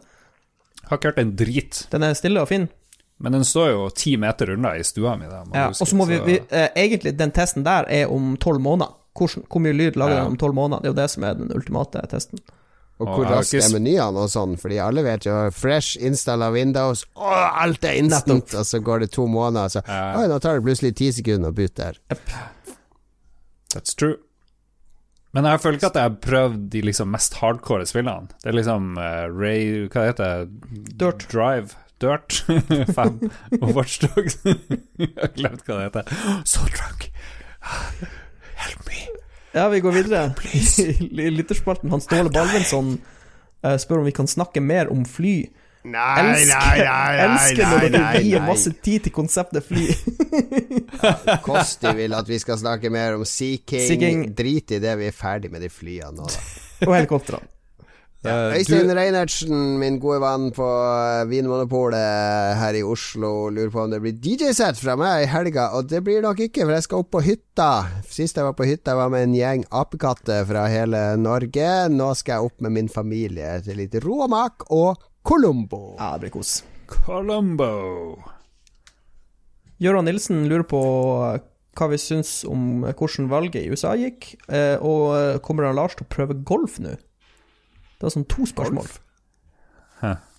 Valget i USA de, de tok jo ikke Senatet, da, virker det som. Eller det blir, blir runoffs? Det blir sånn ekstravalg, for det var så close mellom to kandidater. Så da blir det nye valg. Så det kan jo bli artig. Men eh, ja Når Biden ikke får Senatet, mest sannsynlig, men jeg tror, så blir det bare tull. Neste fire årene. Vi slipper å få han Trump, men det blir ikke noe fremgang, egentlig. Det blir mye surr. Ja, Så, og kommer jeg til å prøve golf? Snakka om å spille golf i sommer med søskenbarnet ditt, eh, Mats, men eh, det skjedde aldri. ja, men vi prøver på nytt igjen. eh, 2021. Ja, er du med på litt golf? Jeg er med på golf, vet du. Det var jo supergolfstemning på hytta. Det var kjempeartig. Ja. Skuldra mi er Men begynt å jeg- bli bra igjen også. Åh, den blir bra. Men Ja. jeg tror golf på data er mye morsommere enn golf på ordentlig. Men vi kan sånn kjøpe et bra golfspill, da. Der har vi det. Golf og fly, er det rart jeg elsker den spalten? Vi har mista Ayokato for Yukato lenge siden. Ayokato ligger i havet, og vi har kjørt videre med Jeg båten. var på sånn her Jeg jeg holdt på å ta sånn grønt kort en gang med, fordi Nordisk Film Aka PlayStation spanderte det på alt og alle. De hadde sånn bedriftsavtale. Skulle ha alle med på golftur. Det var når det var sånn jippo-golfopplegg på mm, starten av 2000-tallet. Når alle plutselig Golf skulle bli folkesporten. Det var jo bare så kjedelig. Herregud, så kjedelig å gå, gå rundt med den kølla og stå og vente på at andre skal slå. Nei, Sosialt. Diskutere verdenspolitikk. ja, ja, ja, ja. Trump spiller golf. Nøff apropos deg, Jon Cato. Gøran Nilsen Nei, unnskyld, Martin Pettersen. Mer sexprat. Ubekvem Jon Cato er fantastisk. Jeg føler vi har fulgt den kvoten. eh, Ja, jeg har gjort en ganske hardcore innsats der. Øystein Reinertsen, okay. hvordan går det med voksesmertene til Lolbua-konglomeratet? Ha, har vi det? Har vi voksesmerter? Jeg trodde, jeg trodde det gikk veldig bra. Det går jo veldig bra. Alle Ja, rykter om akkurat, at det ok, For å si er det sånn, en indikator på hvor bra det går eh, Jon Cato og Lars har akkurat spilt inn en eh, customiza Samsung-reklame. faktisk. Nei, de har ikke så mye voksensmerter. Vi må jobbe litt med kommunikasjon. Det må man alltid når man er flere, hvis du skal ha voksensvar, Øystein. Ja. Nei, det, Du må det, sørge for å styre forventninger, det er viktig når man er flere. Og øh, ja, bare passe på at alle blir sett og hørt. ja, det Blir er du sett ganske og lett hørt, å Mats? Ja. Jeg føler Ja, meg Det er veldig lett å styre forventningen i Lolba, for der er forventningen alltid lav, tenker jeg. Ja, Jeg tenker, Det er jeg tenker også det er liksom Hvis vi bare setter forventningen helt, helt nede med terskelen på døra, så blir du liksom bare positivt Ja. overraska når du kommer gående inn i rommet, og det, forventningene er litt Ja. Ja. Men vi må jo innrømme at det har vært mye bråk med Ragequit. Spesielt Christian har vært en jævla mare, for å si det eh, ekte. Fordi han vil jo ha sånne Commodore 64-ting på alt. Og så skal han ha sånn her loff. Han vil at vi skal snakke om loff og brød og kornprosent i produkt. Mikrobølgeovn. Jeg klarer ikke å prate engang. Alt skal i mikro. Er, jeg føler Christian på mange måter er vår Carl Pilkington. Han, eh, han har mye sånn der eh, litt sånn der eh, særegenheter og vaner han har lagt til seg. Ja. Ja. Men dere må høre siste Ragequit 20. Den er utrolig hørt, morsom. Der kommer den er- Der kommer Christian med mye bra sånn stikk til sida. Han, sånn han er min mann. Han har noen i, zingers. Ja, han har det. Veldig bra. Jeg var jo innom Ragequit sin stream av Noita her om dagen. Jeg bare hoppa inn i chatkanalen og overraska Dag Thomas og Ståle. Det var veldig hyggelig. Ja, Var det sånn to stykk som så på, eller hvor mange var det? Ja, det var vel uh, syv med meg. Syv med deg, ja. Der har du, der har du voksesmerter. Hvorfor skal de ha sin egen Twitch-kanal? Det skjønner jeg Nå fremdeles er vi ikke. inne i redaksjonsmøtet, Lars. Vi må gå videre. Joakim Strandberg lurer på Det er lov for deg å lese opp her, Lars. Joakim Strandberg lurer på I anledning striden om kong Sverres tronsarv mener jeg lolbua skal stille seg i konservativ retning. Nei til Ståle, ja til fremskritt. Kong Ja. Sverres tronsarv. Nå driver Joakim og highroader oss igjen her. Ingen som skjønner hva han snakker om. Kanskje det her er noe de snakker om i Ragequit? Jeg tror det er en referanse som ikke vi forstår. Jeg tror Vi jeg får har sjekke noe om vi hører på Ragequit. Europa Universalis. Det høres litt sånn ut. Der er det mye kongsarv og Kanskje det? Ja. tronsarv. Jeg tar og googler det kjapt her. Skal vi se. Kong Sverres liv. Sigur, eh, Sverre Sigurdsson eller kong Sverre, født ca. 1151. Jesus Christ. Det er jo Og eh, lyttertallene fortsetter å rase. ancient history. Ja, Joakim, du blir banna hvis ikke du stiller mer mainstream. Spør om seg penis og sånne ting neste gang. Ok, neste da, Rikard Kval. Noen av dere som har testet Eve Echoes? Hilsen en som bruker altfor mye tid på det spillet. Jeg testa det når det kom, men så falt jeg av, fordi det, det er et spill som krever en viss maintenance hver dag. At du sjekker inn hver dag. Du trenger ikke å spille så veldig mye, men jeg syns det er vanskelig å opprettholde eh, Å legge seg til den vanen å spille et spill litt hver dag. Ja. Er det der mobil... Uh, Det er EVE mobil, ja. Uh, Ja. Jeg må innrømme, jeg er faktisk uh, i akkurat samme båt. Jeg la det inn på telefonen. Jeg lagde meg konto, logga på, gjorde tutorial-greiene, og så har jeg liksom helt glemt det av. Ja, Så jeg jeg liksom syns det er vanskelig.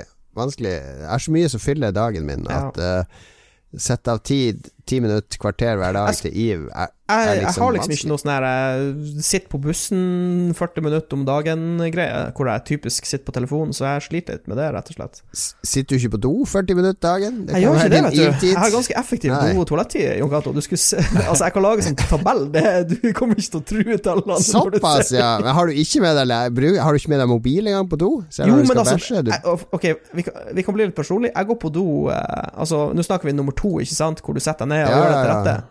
Jeg har det bare det en gang i døgnet. En, en gang i døgnet. ja, det har jeg òg. Ja, og, og det tar ikke sånn så lang tid. ti ganger om dagen. Ja. Ja.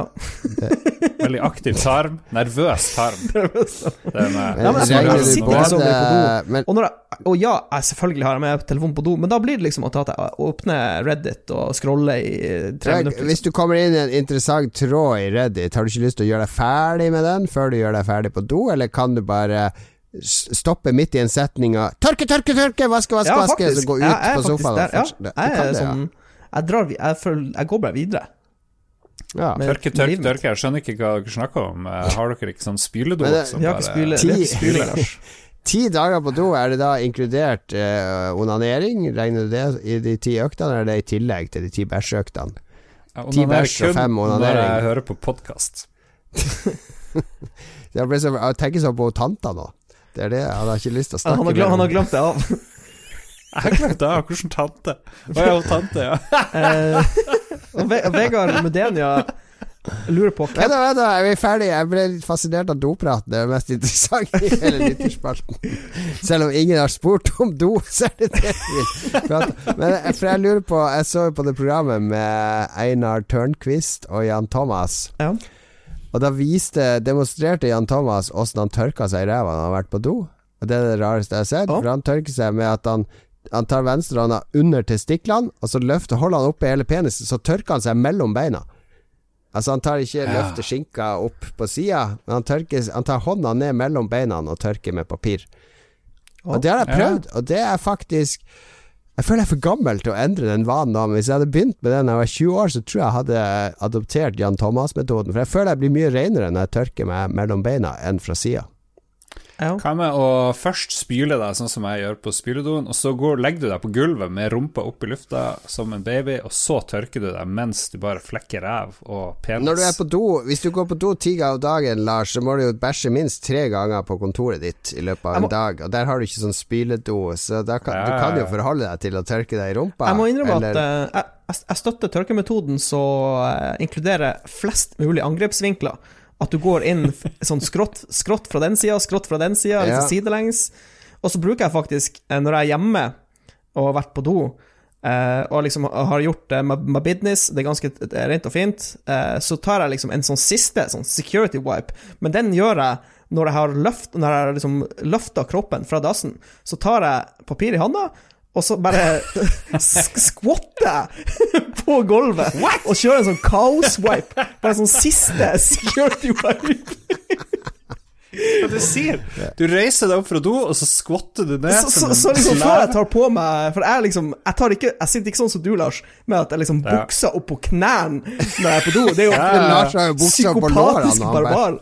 Så før jeg, før jeg tar på meg Før jeg tar på meg klærne, så bare, så bare røyser jeg meg fra dass, og så skvatter jeg, og så tar jeg eh, papir, og så kjører jeg en sånn siste Siste dobbeltsjekk, liksom. Så jeg må innrømme at jeg Ja. bruker mye papir, det gjør jeg, men det blir veldig rent. Ja, men det blir jo ikke ja, det for du tørker rent. det bare ut. Ikke sant? Du bruker tørr papir på fuktig bæsj, så du, du tørker jo helt til det slutter og er tørt. Ja. Nei, til det er vått. Ja, og så ja, er det Mr. et Gerber, tynt lag slapp nå av, med, Mr. med tørr bæsj. Jo, men ok, Egentlig. ok, for å si sånn, bæsj i Lars. For å si det sånn, hadde jeg hatt bidé, så hadde jeg brukt den. For jeg, jeg er veldig Ja. fan av å bruke vann for å få det rent, men jeg har ikke bidé, og det er veldig mye arbeid å gå inn i dusjen. For da, da blir det vått. Altså, å stå, stå på hendene i dusjen Ja, det, Det ræva. går ikke. Så, så hadde Da får du det harde vannet òg, så du må vaske bidé, dusjen etterpå. hadde jeg hatt bidé, så hadde den sett bruk hver dag, for å si det sånn. Eller Men spyle hender det, hender det at, dere er, at det er sånn her Å, nå skal det bæsjes. Du vet når det er sånn skikkelig i magen. Endelig kommer det inn på do. Altså for Dette blir en skikkelig sånn bæsjesesjon. At du tar av både buksa og trusa helt, og sitter uten men det, gjør, det gjør jeg. Altså, når jeg går på do hjemme Du gjør det hver gang? Hver gang!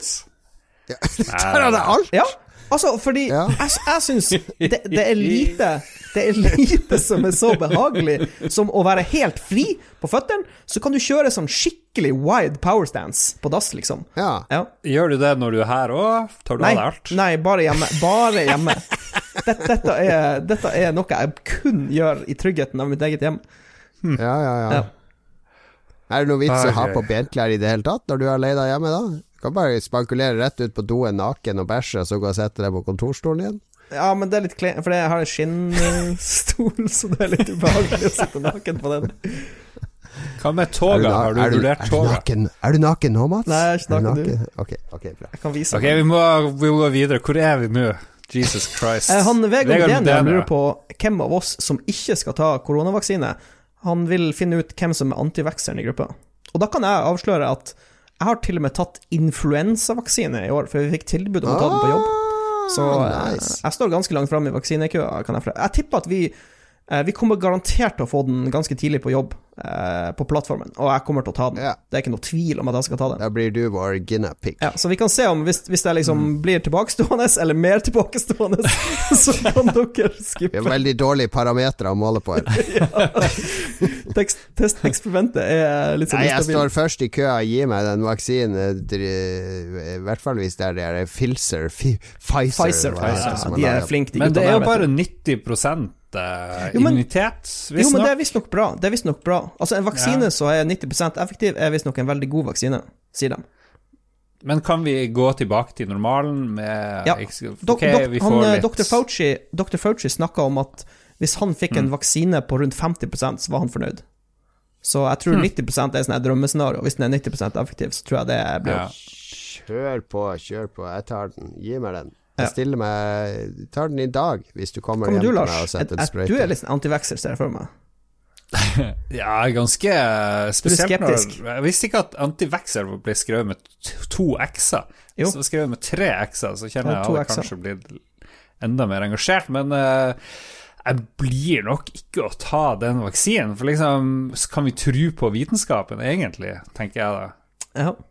Da tror jeg vi fikk fasitsvaret vårt sånn. Var, var dette sånn humorsvar, eller eh, Det var ikke Kan vi tro på historien om holocaust?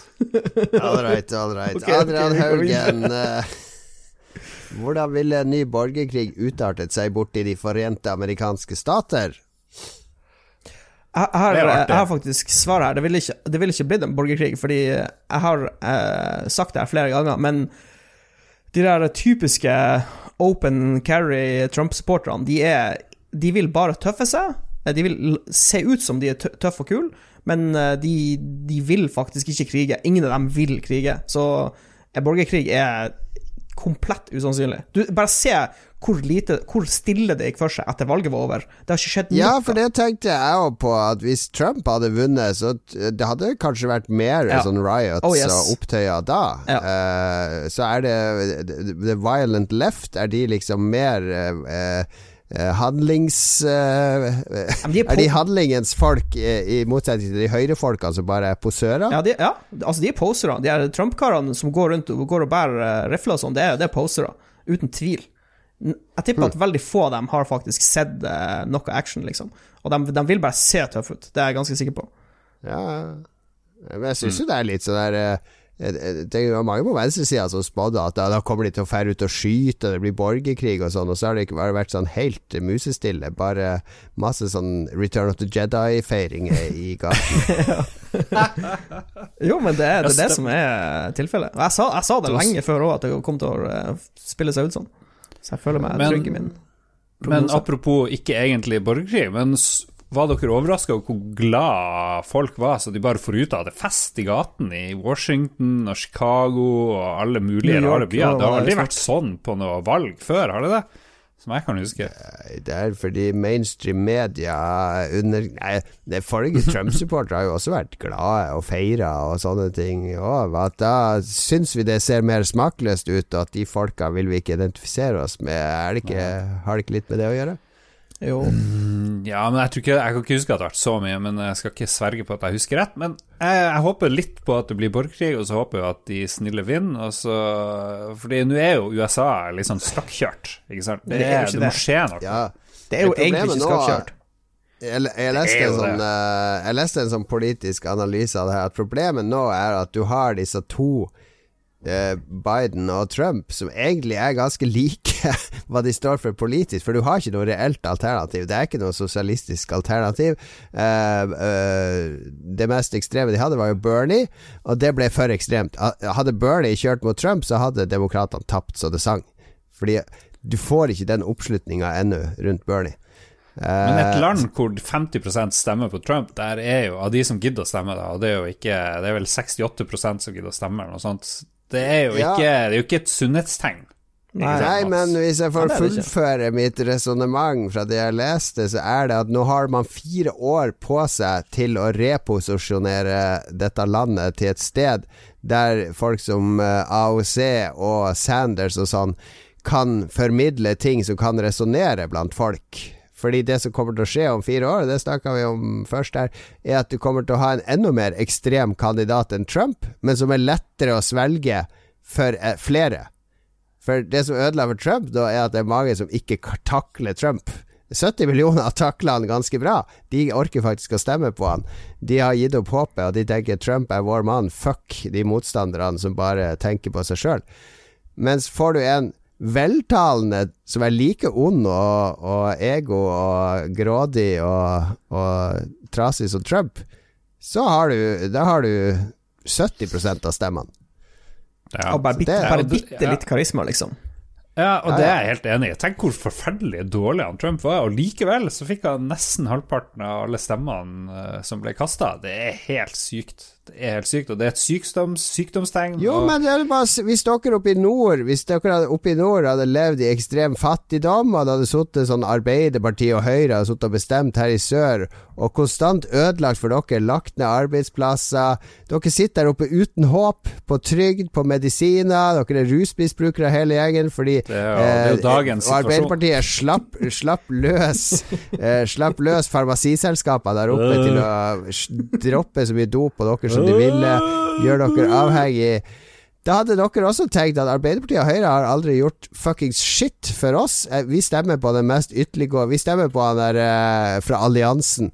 Uh, fordi han vil fucke opp de andre partiene som bare har ødelagt for oss hele tida. Det er jo det som har skjedd med USA. De, så mange har falt utafor at det er ikke noe poeng i å stemme på noen på innsida. De stemmer på de som påstår at de er på utsida sammen med oss og skal ødelegge for de som har det godt. Ja. Nei, når jeg vet at amerikanere, masse amerikanere må ha fem jobber eller ti jobber, eller hva det er for å liksom skrape i hop noe som helst, så, så skjønner jeg jo at det er ganske kjipt, og de har ikke hatt noen reell lønnsøkning ikke sant, siden jeg vet ikke, 80-tallet eller noe sånt. Der de har fått mindre kjøpekraft etter hvert. Det er jo kjipt å være i USA, men de tror de lever i det beste landet. Ah, America is the de- greatest country in the world. Og så tror de at eh, sosialisme er ondt, og de tror at alle og USA tror de skal bli milliardærer. Så derfor vil de ikke ha høyere skatter og sånne ting plutselig. Og de, er jo, de har jo seg sjøl å takke, da. Eller jeg vet En ikke hva det er. Circle of ignorance, som de sang om i Lion King. ja, nei, så det er på tide med en borgerkrig, og så la nå noen eh, tynne ut the Skal blodet flyte, the Lars? herd. Skal blodet flyte? Blodet skal flyte. Kan vi avslutte snart? USA. Nå er vi oppe i to timer og syv minutter. Oh boy. Vi har et siste spørsmål. Marius Hokland lurer seg på hvem gleder seg til å se han Trumper bli båret ut og kasta på gata av militæret, sånn apropos det siste vi har snakka om i 15 minutter. Jeg tror Trump gjør comeback om fire år, og så blir han valgt inn. Akkurat som Silvio Berlusconi i Italia. Han sitter vel i fengsel nå. Ja, men han ble nå gjenvalgt en million ganger. Ok. Ja, da var vi kommet til veis ende. Ja, Jeg må så sykt på do. Hvem skal vi takke, Lars? Eh, vi skal takke TTM Eksempel, Kobrakar84, Rolf Helge Ingebrigtsen eh, og Ann-Beth Juki Arnsberg og Jarle Pedersen. Tusen takk. Whoop, whoop, whoop. Det var representant. Whoop, fra, fra, Og alle andre som støtter oss på Patrion. Ja, ja, ja, alle som hører på. Tusen hjertelig takk. Hvis dere har hører lyst til å på. støtte det her bullshit her, så gå til patrion.com slash lolbua, så støtter dere Ragequit og Spillrevyen. Hør Spillrevyen, Oh, yeah. det har blitt ganske bra i det siste. Hør de her PlayStation 5-episodene våre. Så Oi, oi, oi. Absolutt. Eh, apropos Silvio Berlusconi, han ble jo skilt i, i 2012.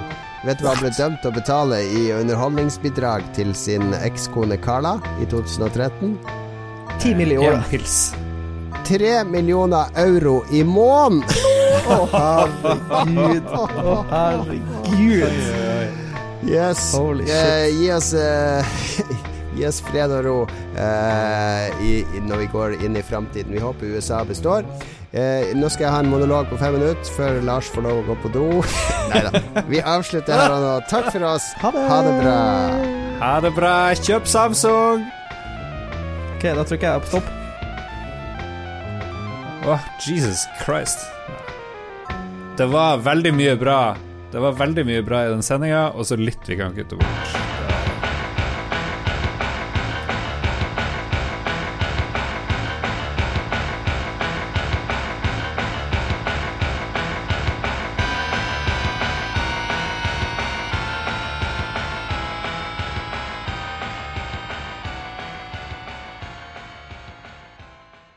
Har du et enkeltpersonforetak eller en liten bedrift? Da er du sikkert lei av å høre meg snakke om hvor enkelt det er med kvitteringer og bilag i fiken, så vi eh, gir oss her, vi. Fordi vi liker enkelt. Fiken superenkelt regnskap.